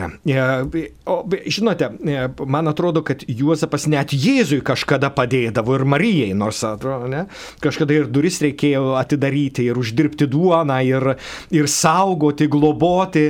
Juozap, Jėzų su Marija išvesti į Egiptą, pabėgti į tremtį, kad, kad būtų nesunaikintas. Tai Juozapas buvo Jėzaus globėjas. Ir mes, matydami tą Jėzaus istoriją, žiūrėkit, mums, mums reikia įvairių įvaizdžių, mums reikia įvairių asmenų, mesgi bendraujantys žmonės, sako, būti žmogumi tai bendrauti. Tai mes šaukėmės į šventuosius, į Mariją, į Jėzų, žinodami, kad Jėzus yra centre. Ir aplink Jėzų sukosi Juozapo ir Marijos gyvenimas. Ir juo, kai šaukėsi Juozapą, jis yra artimas Jėzui. Juozapas turėjo Jėzų savo globoje, jis globojo Jėzų, kuris dabar mus visus globoja, ar ne? Bet tai čia turėti tą, turėti tą daugybės draugų, daugybės bičiulių reikalą. Kai at, kažkas yra pasakęs labai keistą dalyką, kai ateina Jėzus, jis atsiveda savo brolius ir seseris, daug brolių ir seserų. Skaičiau tokį nuostabų romaną, mano Evangelija, yra lietuvių kalboje, mažai mažytė knygelė, kur, kur kuriame yra, kuriame yra sakoma, žinai, kaip Marija jausdavosi, kai Jėzus parvaž... pareidavo į savo Nazaretą. Marija, ne, Marija turbūt neturėdavo net, net kur akių dėti nuo kaimynų. Nes kai Jėzus pareidavo, tai vienas nepareidavo. Jis parsivesdavo daug, daug draugų, savo vien dvylika paštalų, o paskui dar moteris, įsivaizduokit, net prostitutės buvusios, kai kurios buvo Jėzaus būryje. Tai tame romane sako, žinai, kaip, Jėz, kaip Jėzaus motina turėjo jaustis. Nepamirškim, Jėzus turi draugų. Ir vienas iš draugų yra jo globėjas. Ir jis mums duoda savo draugus. Tavo draugas yra mano draugas. Brangieji, bažnyčia yra draugų bendruomenė. Mes niekada nesam vieni ir vieniši. Ir yra Marija, yra Juozapas, yra tėvas aukščiau už sūnų, yra sūnus, kuris mums dovanoja netgi savo dvasę. Tai, bet Jėzus yra centre, nes tik per Jėzų mes gaunam tėvą. Ir tik per Jėzų mes gaunam šventąją dvasę. Ir kartu dar daugybę kitų draugų. Tarp jų ir šventasis bažnyčios globėjas Juozapas. E, Taip, tai Juozapui besimelsdami mes tikrai neplenkiam Jėzų, nes jeigu Juozapas ir padės, tai tik tai dėl to, kad to norės Jėzus. Tai yra mūsų bendruomeniškumo išgyvenimas. Noriu paklausti, ar Kristus turi sielą? Būti žmogumi, tai būti, anot apaštalo Pauliaus, būti kūnu, siela ir dvasia. Štai tokia samprata yra mums padiktuota filosofijos. Tai, tai nėra e, grinoji teologija. Teologija remiasi kokią nors filosofiją. Ir jeigu kalbėti apie, apie apaštalo Pauliaus įtaką, pavyzdžiui, krikščionybėje, tai apaštalas Paulius yra tiek reikšmingas, kad jisai Jėzaus mokymą išvertė į filosofinę kalbą, netgi taip turėtume turbūt pasakyti. Reiškia, sako, jeigu nebūtų pakviestas Paulius, Saulis Paulius į, į, į Jėzaus sekėjus, Jėzaus misija būtų buvusi nesuprasta nežydams. Reiškia, mums reikia, reikia tam tikrų sampratų, tam tikrų apibrėžimų, tam tikrų kategorijų, tam tikrų mąstymų. Ir kai mes turim tą kūną, sielą, tai vėlgi tai sakom Platono, Aristotelio, kitų, reiškia, tai štai kalba, Jėzus yra Dievas tapęs žmogumi. Taigi, jis turi dieviškumą, žmogiškumą, Štai šitos dvi. Ir mes turim jau, jau paskui iš filosofinių graikiškai nurodytų, kad Jėzus turi dvi prigimtis - dieviškąją ir žmogiškąją tos dvi prigimtys nesumišusios, bet yra viename asmenyje. Aš, būtent žinote, kai, kai aš sakau, kas yra kūnas, tai mes visi suprantam. Kai aš sakau siela, jau čia prasideda e, keisti dalykai. Kai kas sako siela nemirtinga, e, aš sakau siela mirtinga, nes siela tai mintys, tai, tai jausmai, tai kas nors. O tai kas nemirtinga? Dvasia, kuria Dievas asmeniškai kvepia kiekvienam iš mūsų. Ir, ta, ir tas, e, tai, kas įskiria žmogų nuo... Bet čia jau filosofiniai klausimai, kurie, kurie yra apibūdinti katalikų bažnyčios katekizme. Bet kalbėti apie Jėzų, tai kalbėti apie Jėzų, kuris yra tikras Dievas ir tikras žmogus. Taip, taip, dabar ačiū. Dar viena žinutė yra. Ar mano tėvai mirė prieš 45 metus maždaug. Ar galima tame pačiame kape palaidoti žmogų, ne, laisvos vietos nėra? Tai klausia, Man atrodo, aš bijau suklysti, bet 20 metų yra laikotarpis, kai galima laidot e, ant e, kapavietės. Mes turėjom prieš keletą dienų vienos sesers vienuolės laidotuvės ir buvo antro, antro aukštu, taip vadinamų, palaidota. E, praėjo 30 metų ir, ir tai nebuvo jau jokios, jokio klausimo, ar iš tikrųjų galima ar negalima. Yra, man atrodo, nuostatai, kuriuos, kuriuos, kuriuos turi išleidus ir valstybė, ir kapinių tvark, tvarkymo taisyklės tai, tai reglamentuoja. Tai, tai tikrai tai įmanoma. Dar viena čia žinutė, ar nereikėtų priminti to žmonėms, kad šiuo metu sunku finansiškai, e, aukojimo galimybės labai sumažėjusios. Taigi tikrai kviečiame į šitai taip pat atkreipti dėmesį, jau apie tai kalbėjom, jeigu jaučiate tikrai solidarumą, bendrystę, pasidomėkite, kaip gyvena jūsų parapijos žmonės ir kam ir kuo galite šiuo metu padėti. Galima laikytis, kaip sakant, atstumo ir, ir tą taip pat pagalbą suteikti apie išpažinti jau atsakėme, kaip reiti išpažinties, kai draudžiama eiti į bažnyčią, vis ateina tokių žinučių. Tai e, dar kartą primenu, kad kviečiame atlikti dvasinę atgailą skaityti atgailą skatinančias maldas iš maldaknygės, prisiminti mišiose e, mūsų kalbamas maldas ir galite taip pat e, gailėtis dėl nuodėmių, prašyti Dievo, prisiminti savo nuodėmės, prašyti viešpaties pagalbos ir pasiryšti, kai tik tai bus galimybė e, skubėti iš pažinties. Pakartoju šitą atsakymą, nes žmonės gal tikrai dėl to pergyvena, tai yra svarbu šiuo metu ir tiesiog, kad gautų mūsų žinę. E, na, dar viena žinutė yra apie knygą Benhuras Kristaus istorija. E, na tai išreklamuota šita knyga, kad jis sulaukė popiežiaus palaiminimo, pirmoji grožinė knyga pasaulyje ir geriausias istorinis romanas. Ar ką galėtume pasakyti tie, kas mėgsta romanus, kaip pavyzdžiui aš, labai rekomenduoju, bet blogiausia, kad nemėgstu istorinių romanų, todėl Benugūro e, ne, ne mano skaitinys e, ir nieko negaliu padėti. E, yra daugybė, šiandien yra labai daug ir ne, ne, nebūtinai katalikiškų leidyklų leidžiamų katalikiškų romanų. Yra katalikai autoriai, kurie, kurie mums dovanoja labai daug skaitimo palaimos. Ir aišku, grožinė literatūra iš tiesų skatina mūsų vaizduotę vaizduotę ir ypatingai kunigams, kurie turi kalbėti žmonėm, raginam skaityti e, grožinę literatūrą, kad iš tikrųjų pajėgtų e, veiksmingiau, vaisingiau e, skelbti Kristaus gerąją žinę. Kad plėstųsi žodynas būtų turtingesnis. Na dar čia primena tokį prašymą pakomentuoti bažnyčios nuostatą apie žmogaus kūno kremavimą. Trumpai kaip pakomentuoti. E, žodžiu, kai krikščionybė pradėjo savo gyvenimą, ji susiduria su pagonimis. Ir pagonys e, savo mirusiosius laidoja būtent kremuodami. Reiškia, tai, tai pagonių laidojimo stilius. Reiškia, e, pagonys, skirtingai nei žydai, niekada nelaidodavo žmogaus kūno, bet e, kremuoja ir į kolumbariumą, kolumbariumas išvertus reiškia karvelio lizdas arba balandžio lizdas. Tai reiškia į, į, į panašus karvelio lizdai maždaug. Ir, ir štai tuose kolumbariumuose mirusieji yra e, laidojami. Kai krikščionys pradeda savo, e, savo mirusiosius laidoti, jie laidoja taip, kaip buvo palaidotas jų viešpats. Ir štai tas skirtumas didysis, kuris iššaukė didelį konfliktą tarp, tarp pagonybės ir krikščionybės. E, pagonys e, su mirtimi neturi turėti nieko bendro. Jie palaidoja kažkur už miesto savo mirusiuosius ir juos pamiršta, su jais ten nebendrauja, juos ten nelanko. O krikščionys priešingai laidoja, pradėjo paskui laidoti net savo namuose arba domus ekleziją, kaip jie vadino, reiškia, e, bažnyčiose ir, ir lankydavo mirusiuosius ir, ir prie jų netgi celebruodavo mišes ir, ir prie jų vaišindavosi. Tai štai visai kitas būdas e, suprasti, e, reiškia, mirtį.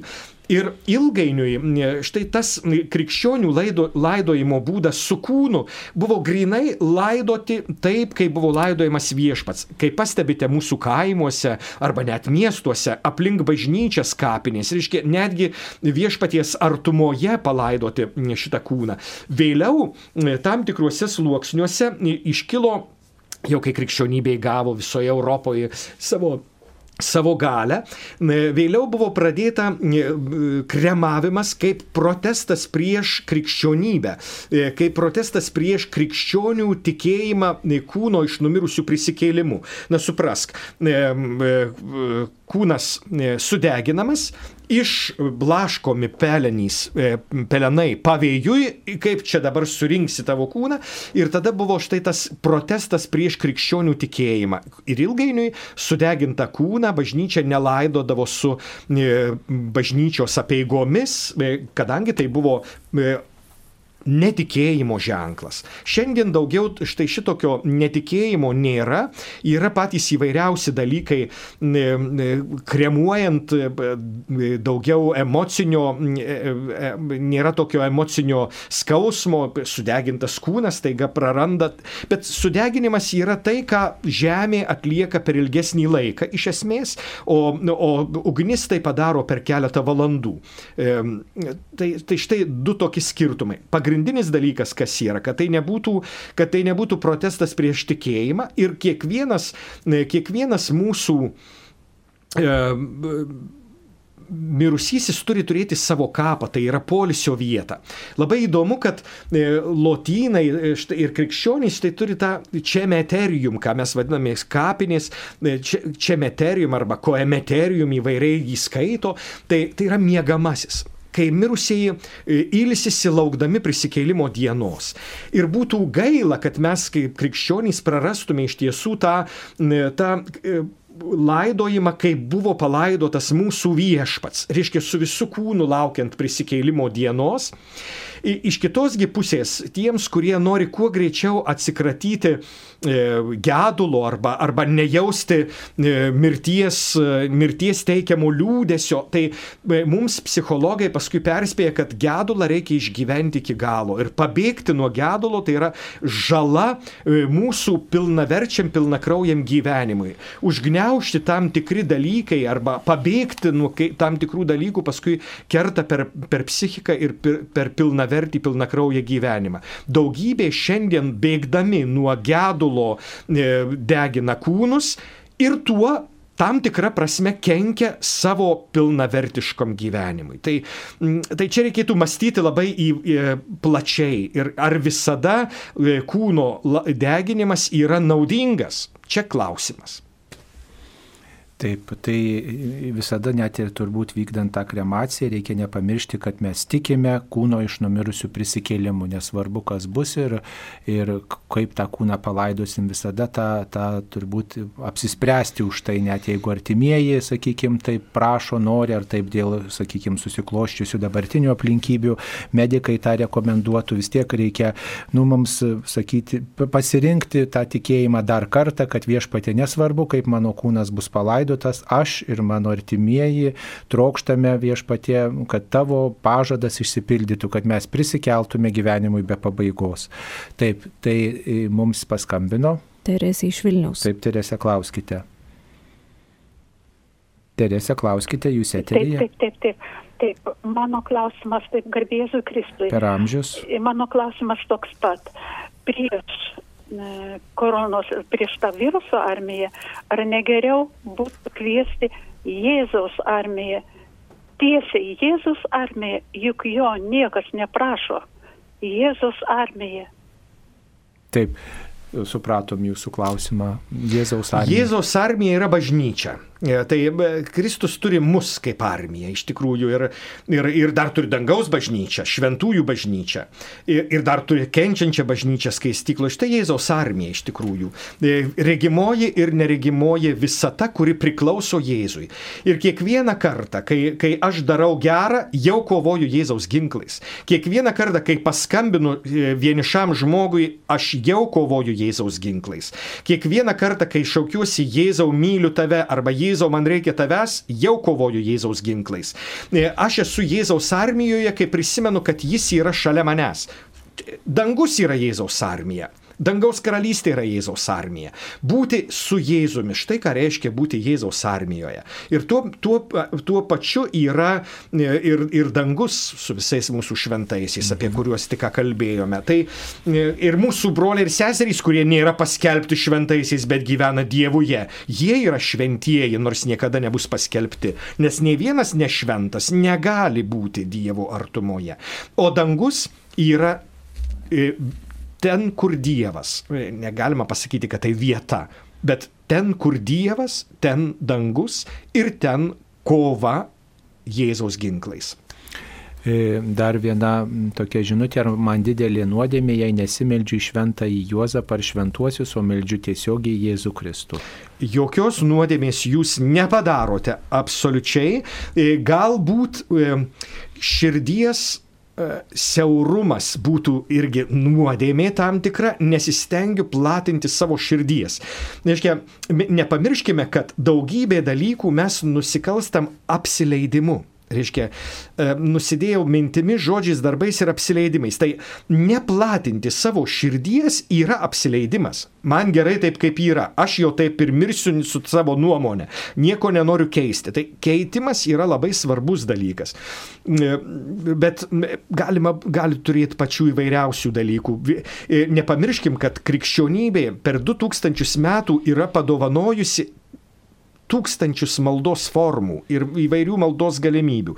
Ir jeigu vienam tinka rožinis, tai kitam jis gali netikti. Kaip mūsų jaunimas juokauja, žinai, kalbėkim e, gailestingumo vainikėlį, greičiau sukalbėsim. Ir natūralu, e, jaunimui reikia truputį judėti kitaip. Arba kiti skundžiasi, žinai, negaliu kalbėti rožinio, man mintys įvairios. Nu tai kalbėk kitą maldą. Reiškia, ne, neprisiriškim prie vienos, vieno ir vienintelio. Turbūt pirmoji ir svarbiausia malda yra Euharistija kuri, kuri yra pirmoji ir svarbiausia malda.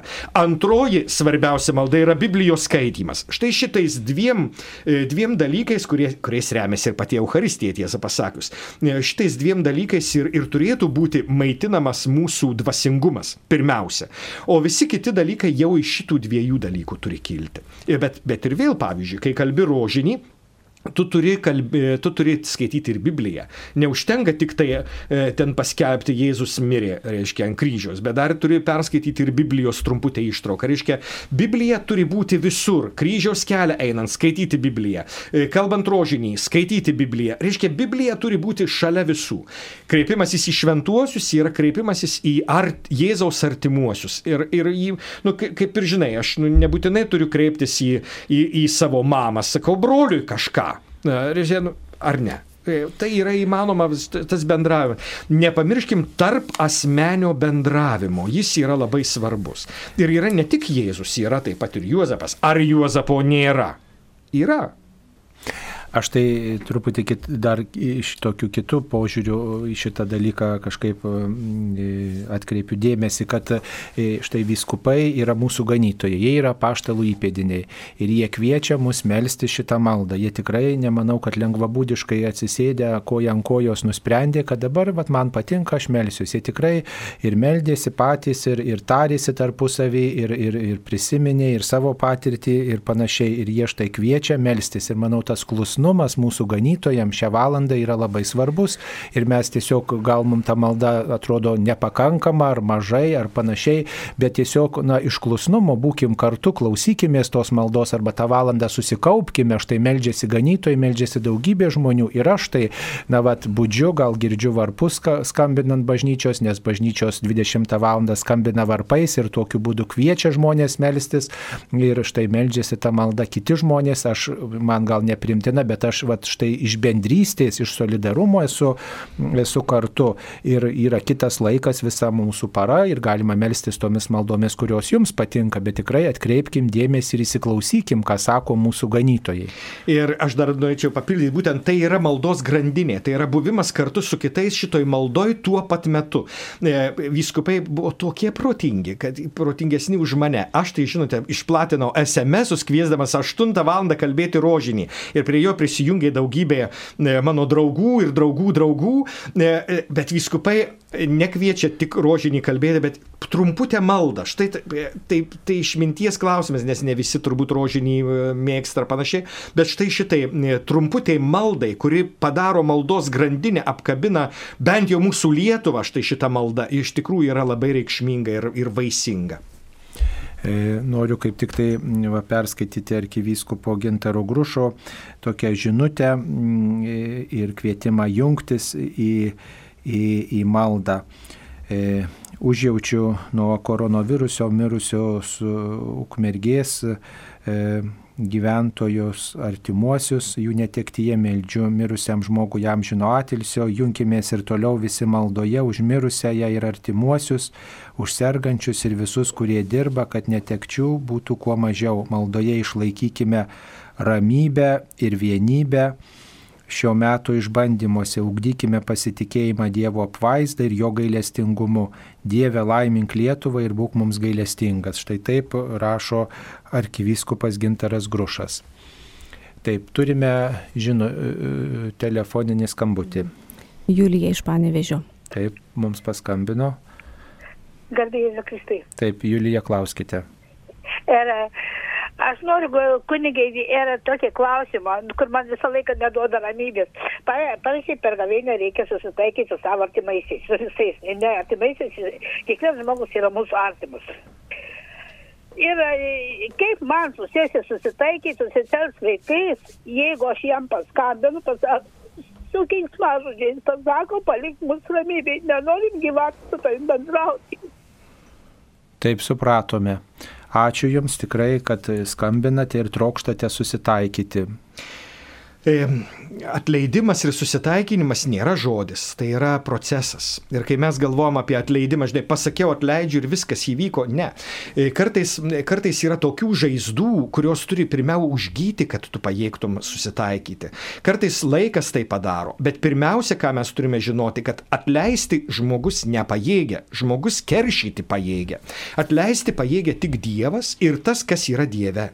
Tai kiekvienoj, kiekvienojme atleidime pirmiausia yra Dievo atleidimas. Ir jeigu tu nori atleisti, tu pirmiausia turi šauktis, kad Dievas atleistų. E, šauktis Dievą, kuris vienintelis sugeba atleisti, o mes tik per Dievą, tik Dievuje. Nes, nes žinote, žmonijos istorija yra pilna karų, pilna nesantaikų. E, žmogaus, e, žmogaus logikoje, kuris įrašytas širdyje, akis už akį, dantis už dantį, tai yra teisingumo principas. Jeigu tu man vieną akį išmušiai, aš tau galiu vieną akį išmušti ir tai bus teisinga. Bet atsisakyti štai šito dalyko, čia yra atleidimas. Ja, reiškia, nedaryti taip, kaip tu man padarėjai. Ir tai yra pašėlusiai sunku. Gerai, kai smulkmenas mes paėgiam atleisti, bet ne visos smulkmenos, kurios yra žaizda ir ta žaizda, dvasinė žaizda, kuri turi užgyti. Filos, e, psichologai turi darbo, e, chirurgai turi darbo, dvasiniai, e, dvasiniai žmonės turi darbo.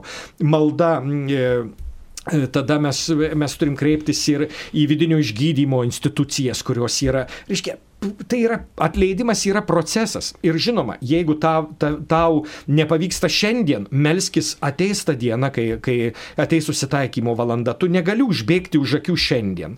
Bet tu, tu privalai turėti kantrybę, nes nežinia, ką tu ten prisidarėjai, kad, kad iš tikrųjų tave, nuo tavęs užsisklendėjai, nuo tavęs nenori. Galbūt ir tu kaltas, galbūt tu nesupratai, galbūt kiti turi kai ką prieš tave, o tu neturi nieko prieš juos.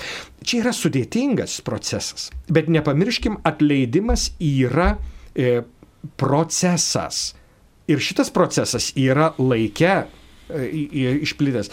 Tai nėra tik žodis, kurį aš staiga pasakiau ir įvyko. Tai neskubinkim procesų, bet gyvenkim jame. Ir pirmiausia malda. Taip, ačiū. Dabar turime dar vieną žinutę. Ar priimant dvasinę komuniją būtina būti vieną valandą nevalgius? Ne. Dvasinė komunija yra priimtina kaip galima dažniau net ir valgymo metu. Tai yra, noriu būti vienas su tavimi, kad manęs niekas neatskirtų nuo tavęs. Noriu būti, e, tu būk manimi. Aš noriu kaip apaštalas Paulius. Aš gyvenu, bet ne aš, o manie Kristus. Na šitą aš dabar čia pasakiau, nors tikrai nebuvo valgęs, va, v, v, gėriau vandenį, bet kada dvasinę komuniją priimti kuo dažniau. Tai yra būti tame sąmoningame ryšyje su Dievu. Kažkada tai buvo sakoma, kad tai gyventi Dievo apvaizdoje arba Dievo akivaizdoje, e, e, reiškia, tai, tai yra štai būti kartu su viešpačiu, tai yra dvasinė komunija. Tai priimti dvasinę komuniją reikia kuo dažniau. Taip e, ir primenu, kad kiekvienose mišiuose, kurios transliuojamos per Marijos radiją 12 val. ir 19 val. kiekvieną šiokiadienį galima, e, štai kai yra tas komunijos laikas, išgirsti tą maldą per Marijos radiją, jei dėl kokių nors priežasčių jos neišgirstumėt, ją galite skaityti liturginiuose maldynuose, susirasti kiekvienam didesniam liturginiam maldynė šita malda yra, arba jeigu nerandate, tai tiesiog savai žodžiais kviesti Jėzų Jėzų, ateik Dieve, negaliu tavęs priimti, bet trokštų vienytis, aplankyk mane, trokštų būk su manim, savai žodžiais pasimelsti, persižegnoti ir taip tiesiog žadinti mūsų tikėjimą. Ir tikrai viešpats jūs aplankys, suras būdą, jam vienam žinoma būdą, kaip jūs sustiprinti. E, dar vienas toks klausimas apie žemaičių kalnus, kuriuos girdite penktadieniais ir sekmadieniais per mūsų Marijos radiją. Tai yra tikrai ypač žemaitijoje mėgstama giesmė, tačiau daugelis žmonių jos, nuoli, jos mielai klausosi net ir būdami kitose regionuose. Tai čia klausimas buvo, kada tie kalnai pradėti gėdoti. Tai primenu, kad Domininkonai įsteigė šitą pamaldumą Žemaičių kalvarijos ir tai yra iš 17 amžiaus. Labai senas pamaldumas ir tikrai išlaikytas nenutrūkstamų būdų iki mūsų laikų. E, dar viena žinutė, nuo amžių bažnyčia melzdavosi, kad Dievas apsaugotų nuo karo, maro, bet jei šią pandemiją vadiname, šią pandemiją vadiname Dievo gailestingumu, tai gal turime melstį ir karo, ir maro Nu, matot, per, per karą ir per marą ir per pandemiją ne visi, ne visi jau taip čia pra, e, nuskriausti, kai kurie kaip tik pralops per šitos, per šitos e, sunkius dalykus ir per, sako, karas e, yra, e, yra taip pat ir ekonominė nauda labai didelė gerovė. Tai, nuo karo, maro, bado ir staigios ir netikėtos mirties mes, mes paprastai melžiamės. Tai, ko labiausiai bijom, tai, kas iš tikrųjų prieš ką bejėgiai bejėgiai esame. Ir mes, ir mes iš tikrųjų pasijuntam neapsaugoti, nu, kaip, kaip ir visi. Aš vakar vakare man atėjo į galvą mintis, kaip kokiam siaubo filme mes čia gyvenam. E, atrodo, išjungsim televizorių ir baigsis visas šitas dalykas. E, ir karas yra, e, ir karas yra tai, kas, tai, tai, kas yra blogis, tu negali pasakyti, bet vėl kaip sakėm, krikščionių viltis yra, kad Dievas tą blogį gali pakeisti man į gerą. Čia jo gailestingumas yra. Ir čia jo prisilietimas e, prie. Ne, ne, negalim, e, mes negalim priimti, sakyti, kad, e, kad karas yra gėris. Taip, kai kam karas yra gėris, nes iš, pati, patikrina savo, savo ginkluotę žino, kiek, kiek gali. Reiškia, karas kai, kai kam yra gėris, nes, nes ekonomiškai pelnas siekia. Tai kai kam jis yra tikras gėris ir kai kas, ir atsiprašant, dėl to ir kariaujama. Jeigu jau taip tiesiai šviesiai išnekant. Žiūrėk, tai dėl naudos kažkokios, kažkokio grobuoniškais tikslais ar neteisingais tikslais. Pavyzdžiui, apie karą kalbant, arba apie tą marą popiežius Pranciškus Vatikano E, e, internetiniam puslapį galite pasižiūrėti e, tuščiomis Romos gatvėmis, lankosi, lankėsi prie kryžiaus, kuris, kuris buvo ypatingai garbinamas Maro Romoje metu. Kai, kai žmogus bejėgis, jis, jis šaukėsi Dievo pagalbos, jam negera, bet įneša daugybę, daugybę pasikeitimų, gyvenimo perkeitimų. O mums iš tikrųjų visai sveika permastyti, perkeisti dalykus. Kaip gyvenu, mes atrodo, už pinigus viską galim nusipirkti e, darykim kaip norim. Žinot, kunigai kvietė e, į gavėnę. Niekas neklausė. Tai dabar pakvietė į vyriausybę, į tikrą gavėnio stilių. Štai, štai mūsų šita, šita pandemija tapo gailestingumu, gyvenk namų. Ka, ko prašoma iš mūsų? Neik iš namų, sėdėk namie. Aš tai, tai taip suprantu. Izoliuokis Štai baisus kvietimas, kuris, kurį, kurį mes turim kiekvienas. Aišku, ekonomika tragedija, žmonės praras darbą. Čia, čia, yra, čia yra taip platu, taip, taip daug yra apie ką šnekėti šituo, šituo, šituo tema ir, ir vienaprasmiškai tikrai negalima kalbėti. Ar tai gailestingumo ženklas? Manau taip. Tai yra proga tiesiog atrasti vertybės. Mes nelaimių norim išvengti ir to teisė tai prašom, kad tų nelaimių nebūtų. Ir kai yra gerovė, tiesiog na, žmogus užsimiršta, jis galvoja, kad viskas priklauso nuo jo. Ir tada tos ateinančios nelaimės, kaip ir va kunigas liudijo, kad susilaužė koją ir ta, jam tapo galimybė. Nelaimė tapo kažkokia galimybė. Gal e, apmastė kažką, gal padarė išvadas ir panašiai šita nelaimė kažkam tai tikrai bus proga atrasti Dievą. Ir tai bus kaip ir Dievas Dievo gailestingumas tam žmogui, nes kitos kalbos, kitų aplinkybių tas žmogus tiesiog nesupranta. Tai meldžiam apsaugos nuo nelaimių, bet kai jos ateina, tos nelaimės, mes jas priimam kaip galimybę, į tą kviečia viskupai ir priimam kaip ženklą, per kurį mes galime atrasti Dievą, galima persvarstyti savo gyvenimą ir tikrai pasaulis turėtų labai keistis, jeigu išliks pasaulis po šitos pandemijos akademijos turėtų daryti labai rimtas išvadas, ar tikrai tas besaikis vartojimas, ar tikrai tas e, tie santykiai tarp žmonių ir visa kita gera kryptim plėtojosi. Tai tikrai turėtų padaryti tinkamas išvadas. Mm, taip, dabar dar viena žinutė. Ką manote apie filmą Naujasis popiežius rodoma per televiziją pirmadieniais? Aš jo nemačiau, nesu filmų žiūrėtojas, bet iš tikrųjų norėčiau jį pažiūrėti. E, Kai kas jį vertina kaip labai gražų, kai kas e, vertina kaip labai, e, kaip labai e, įdomų, kai kas vertina kaip nublankusį, patys, patys įvairiausi vertinimai. Kaip, kaip menininko išmonė, kaip menininko idėja, tai yra filmas liudijantis apie tai, kad krikščionybė yra, yra reikšminga pasaulyje.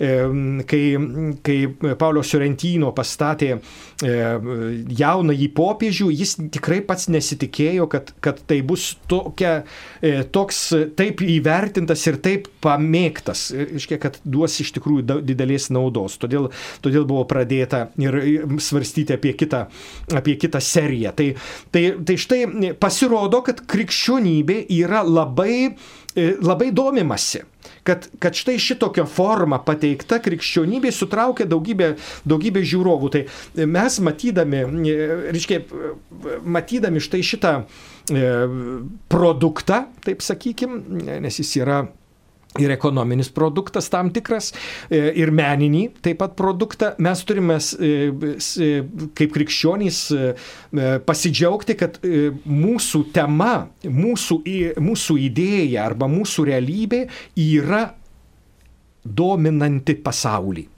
Reiškia, krikščionybė nėra ta nuobodi, niekam neįdomi tema. E, štai šitokie, šitokie filmai, kurie sutraukia daugybę dėmesio, liudyja apie krikščionybės gyvastingumą ir apie krikščionybės svarbą pasaulyje.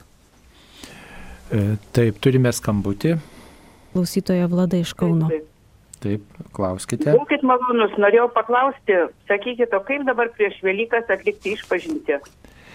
Mėloji, jau kilintą kartą šitoj laidoj vis tą patį atsakinėjame, tai sakome, kad yra dabar galimybė atlikti tokią vidinę atgailą.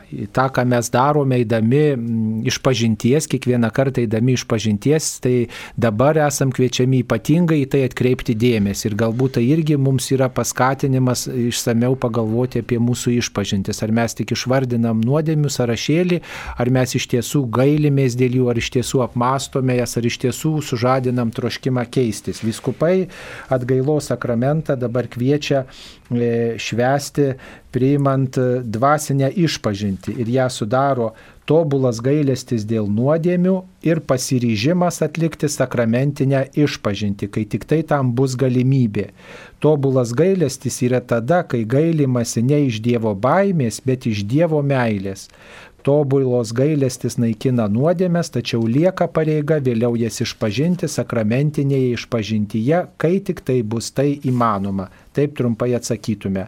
Tam tobulam gailėščiui sužadinti yra skirtos liturginėme maldyne e, išspausdintos maldos atgailos aktas, e, mišių malda prisipažįstu visą galiam Dievui, kurią galima sukalbėti kelis kartus, kad mūsų širdis tiesiog labiau įsiklausytų į tuos e, maldo žodžius ir galime melstį savai žodžiais, apmastydami, kodėl aš tą nuodėmę padariau, kaip galėčiau jos vengti, apmastydami gal ir ankstesnį mūsų elgesį po išpažinties, ar tikrai nelengvabūdiškai elgiausi, ar tikrai pakankamai pastangų įdėjau ir dabar ryštis ir dėti daugiau pastangų, kad tos nuodėmės, kurias norėčiau išpažinti, jos nesikartotų, nes jos įskaudina Dievą, mane atitolina nuo Dievo ir įskaudina kitus žmonės. Taigi tokiu būdu šiomis sąlygomis esam kviečiami išgyventi vidinę atgailą.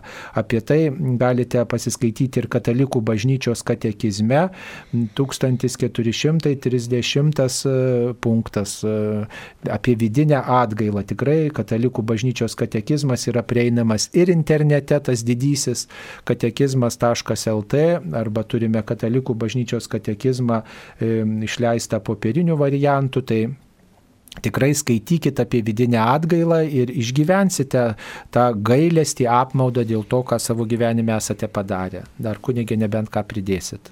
Aš tik tai kvieščiau iš tiesų apmastyti apie savo, savo išpažintis. Kai kurios būna seklios, kai kurios būna be nuodėmių. Iš tikrųjų, aš tu, turiu garbę tarnauti arkikatedroje ir, ir žinau, kokios, kokios ypatingos išpažintys čia būna ir kaip, kaip iš tikrųjų tu, tu kaip kunigas jau gauni paguodą ir paguoda, kad tavęs reikia, kad tu gali, kad tu gali patarnauti žmogui iš tikrųjų. Ir, ir visgi prieš Velykas, prieš Kalėdas labai būna daug tokių mašinalių įprotinių išpažinčių. Tai irgi mes turim permastyti, kokias išpažintis atliekam. Iš tikrųjų, mamytės neklausė 70 metė močiutė, e, ir jį tokią nuodėmę išpažin, išpažįsta. E, reiškia, ir čia kažkas negerai. Reiškia, mes turim iš tikrųjų pasižiūrėti, ar išpažįstam nuodėmės, ar esam įpratę kartoti e, savo nuodėmių sąrašą, kuris nieko bendro neturi su realybė. Tai atkreipkime į tai dėmesį. Išpažintis dėl išpažinties ne visada yra išpažintis. Dar turime dvi minutės ir viena žinutė, tokia prašymas apie Jordaną Bruną e, pakomentuoti. Jordanas galėtų. Brunas, e, vienuolis, e, turėjęs savo idėjų, apskritai reikėtų pasakyti tokį dalyką.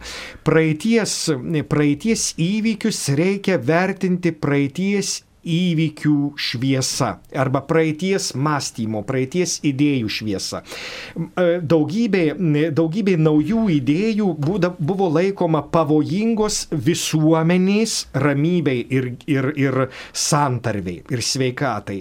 Tai e, buvo deginamos raganos, buvo deginami mokslininkai, kurie įneždavo tam tikrus, e, tam tikrus pavojingas idėjas. Ir man, manoma buvo, kad būtent kaip geriausia sunaikinti būtų mums koronavirusą na, kažkaip jį sudeginti, kad jo ne, nebūtų. Tai tos naujos idėjos buvo suvokiamos kaip virusas, kuris gali apkrėsti ir sunaikinti žmonių e, mąstymą. Kai tu žiūri į šiandieninio 21-ojo amžiaus e, e, patirties arba įsilavinimo, tu sakai, nu kokį tamsybininkai jie ten buvo. Bet kai tu mastai iš anos perspektyvos, iš jų idėjus, iš jų geros valios, iš jų pastangų ramybei su, su, sukurti arba apsaugoti, saugoti tą ramybę. Tu, tu gali suprasti, kad tai buvo priemonės, kurios šiandien būtų, ne, šiandien būtų tokios makabriškos, o anais laikais buvo visiškai teisingos. Daugybė dalykų, kurie buvo e, paneig, anais laikais paneigiami, paskui buvo pripažinti. E, vieni, kur, e, kurie buvo sudeginti už idėją, tos idėjos tapo bažnyčios idėjomis. Bet čia reikia laiko. Bažnyčia ne visada sugebėdavo skaityti laiko ženklus, į ką kviečia Vatikano antrasis susirinkimas. Tai ką Jėzus sako, žiūrėkit laiko ženklus. Čia Jėzaus kvietimas skaityti laiko ženklus.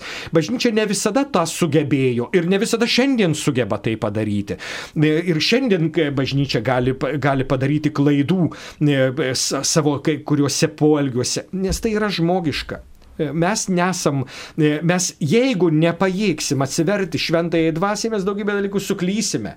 Ir tai yra normalu. Štai kodėl mes kviečiami maldai ir buvimu viešpaties akivaizdoje, kad iš tikrųjų priimtume tiesą, kuri yra ir nepa, nepaneigtume tiesos melu, kuris yra šeitono e, ginklas ir įrankis. Melas kaip šeitono melo tėvo vaisius. Taip ir paskutinis klausimas, kaip žmogus turi elgti, dalyvaud, elgtis dalyvaudamas mišiuose per radiją. Turbūt įprastai, mes čia ir katechezę turėjom šią savaitę, 9 val. kviečiam klausytis katechezių, į, kuriuose į daugelį klausimų tikrai yra pateikiami atsakymai. Kviečiame klausytis katechezių per Marijos radiją 9 val. Jas taip pat galime rasti internetinėje Marijos radijos svetainėje. Tai ten daugiau informacijos. Dalyvaukit kaip paprastai, melskite melskitės ir dvasinę komuniją pabaigoje priimkite. Geriausia tuo metu nedaryti jokių kitų darbų, ramiai sėdėti, jeigu galite atsiklaupti, jeigu sveikata neleidžia, galite melstis ir gulėdami, ir, ir, ir sėdėdami, ir kaip kitaip. Mm, tiesiog svarbus jūsų širdies nusiteikimas ir maksimalus atvirumas širdies Dievui. Kągi tiek suspėjome atsakyti, atsiprašome, kad ne į visus klausimus e, suspėjome atsakyti, stengiamės atrinkti tuos, kurie, na, tokie gal aktualiausi, svarbiausi svarbiausi žmonėms būtų mūsų manimų, tam, manau, turime teisę. E, dėkoju kunigui Artūrui Kazlauskui. Ačiū iš pakvietimą. Štai skyrė laiką šį rytą, prie mikrofono buvau ir aš kunigas Saulis Bužauskas. Visiems daug sveikatos ir Dievo artumo. Sudė.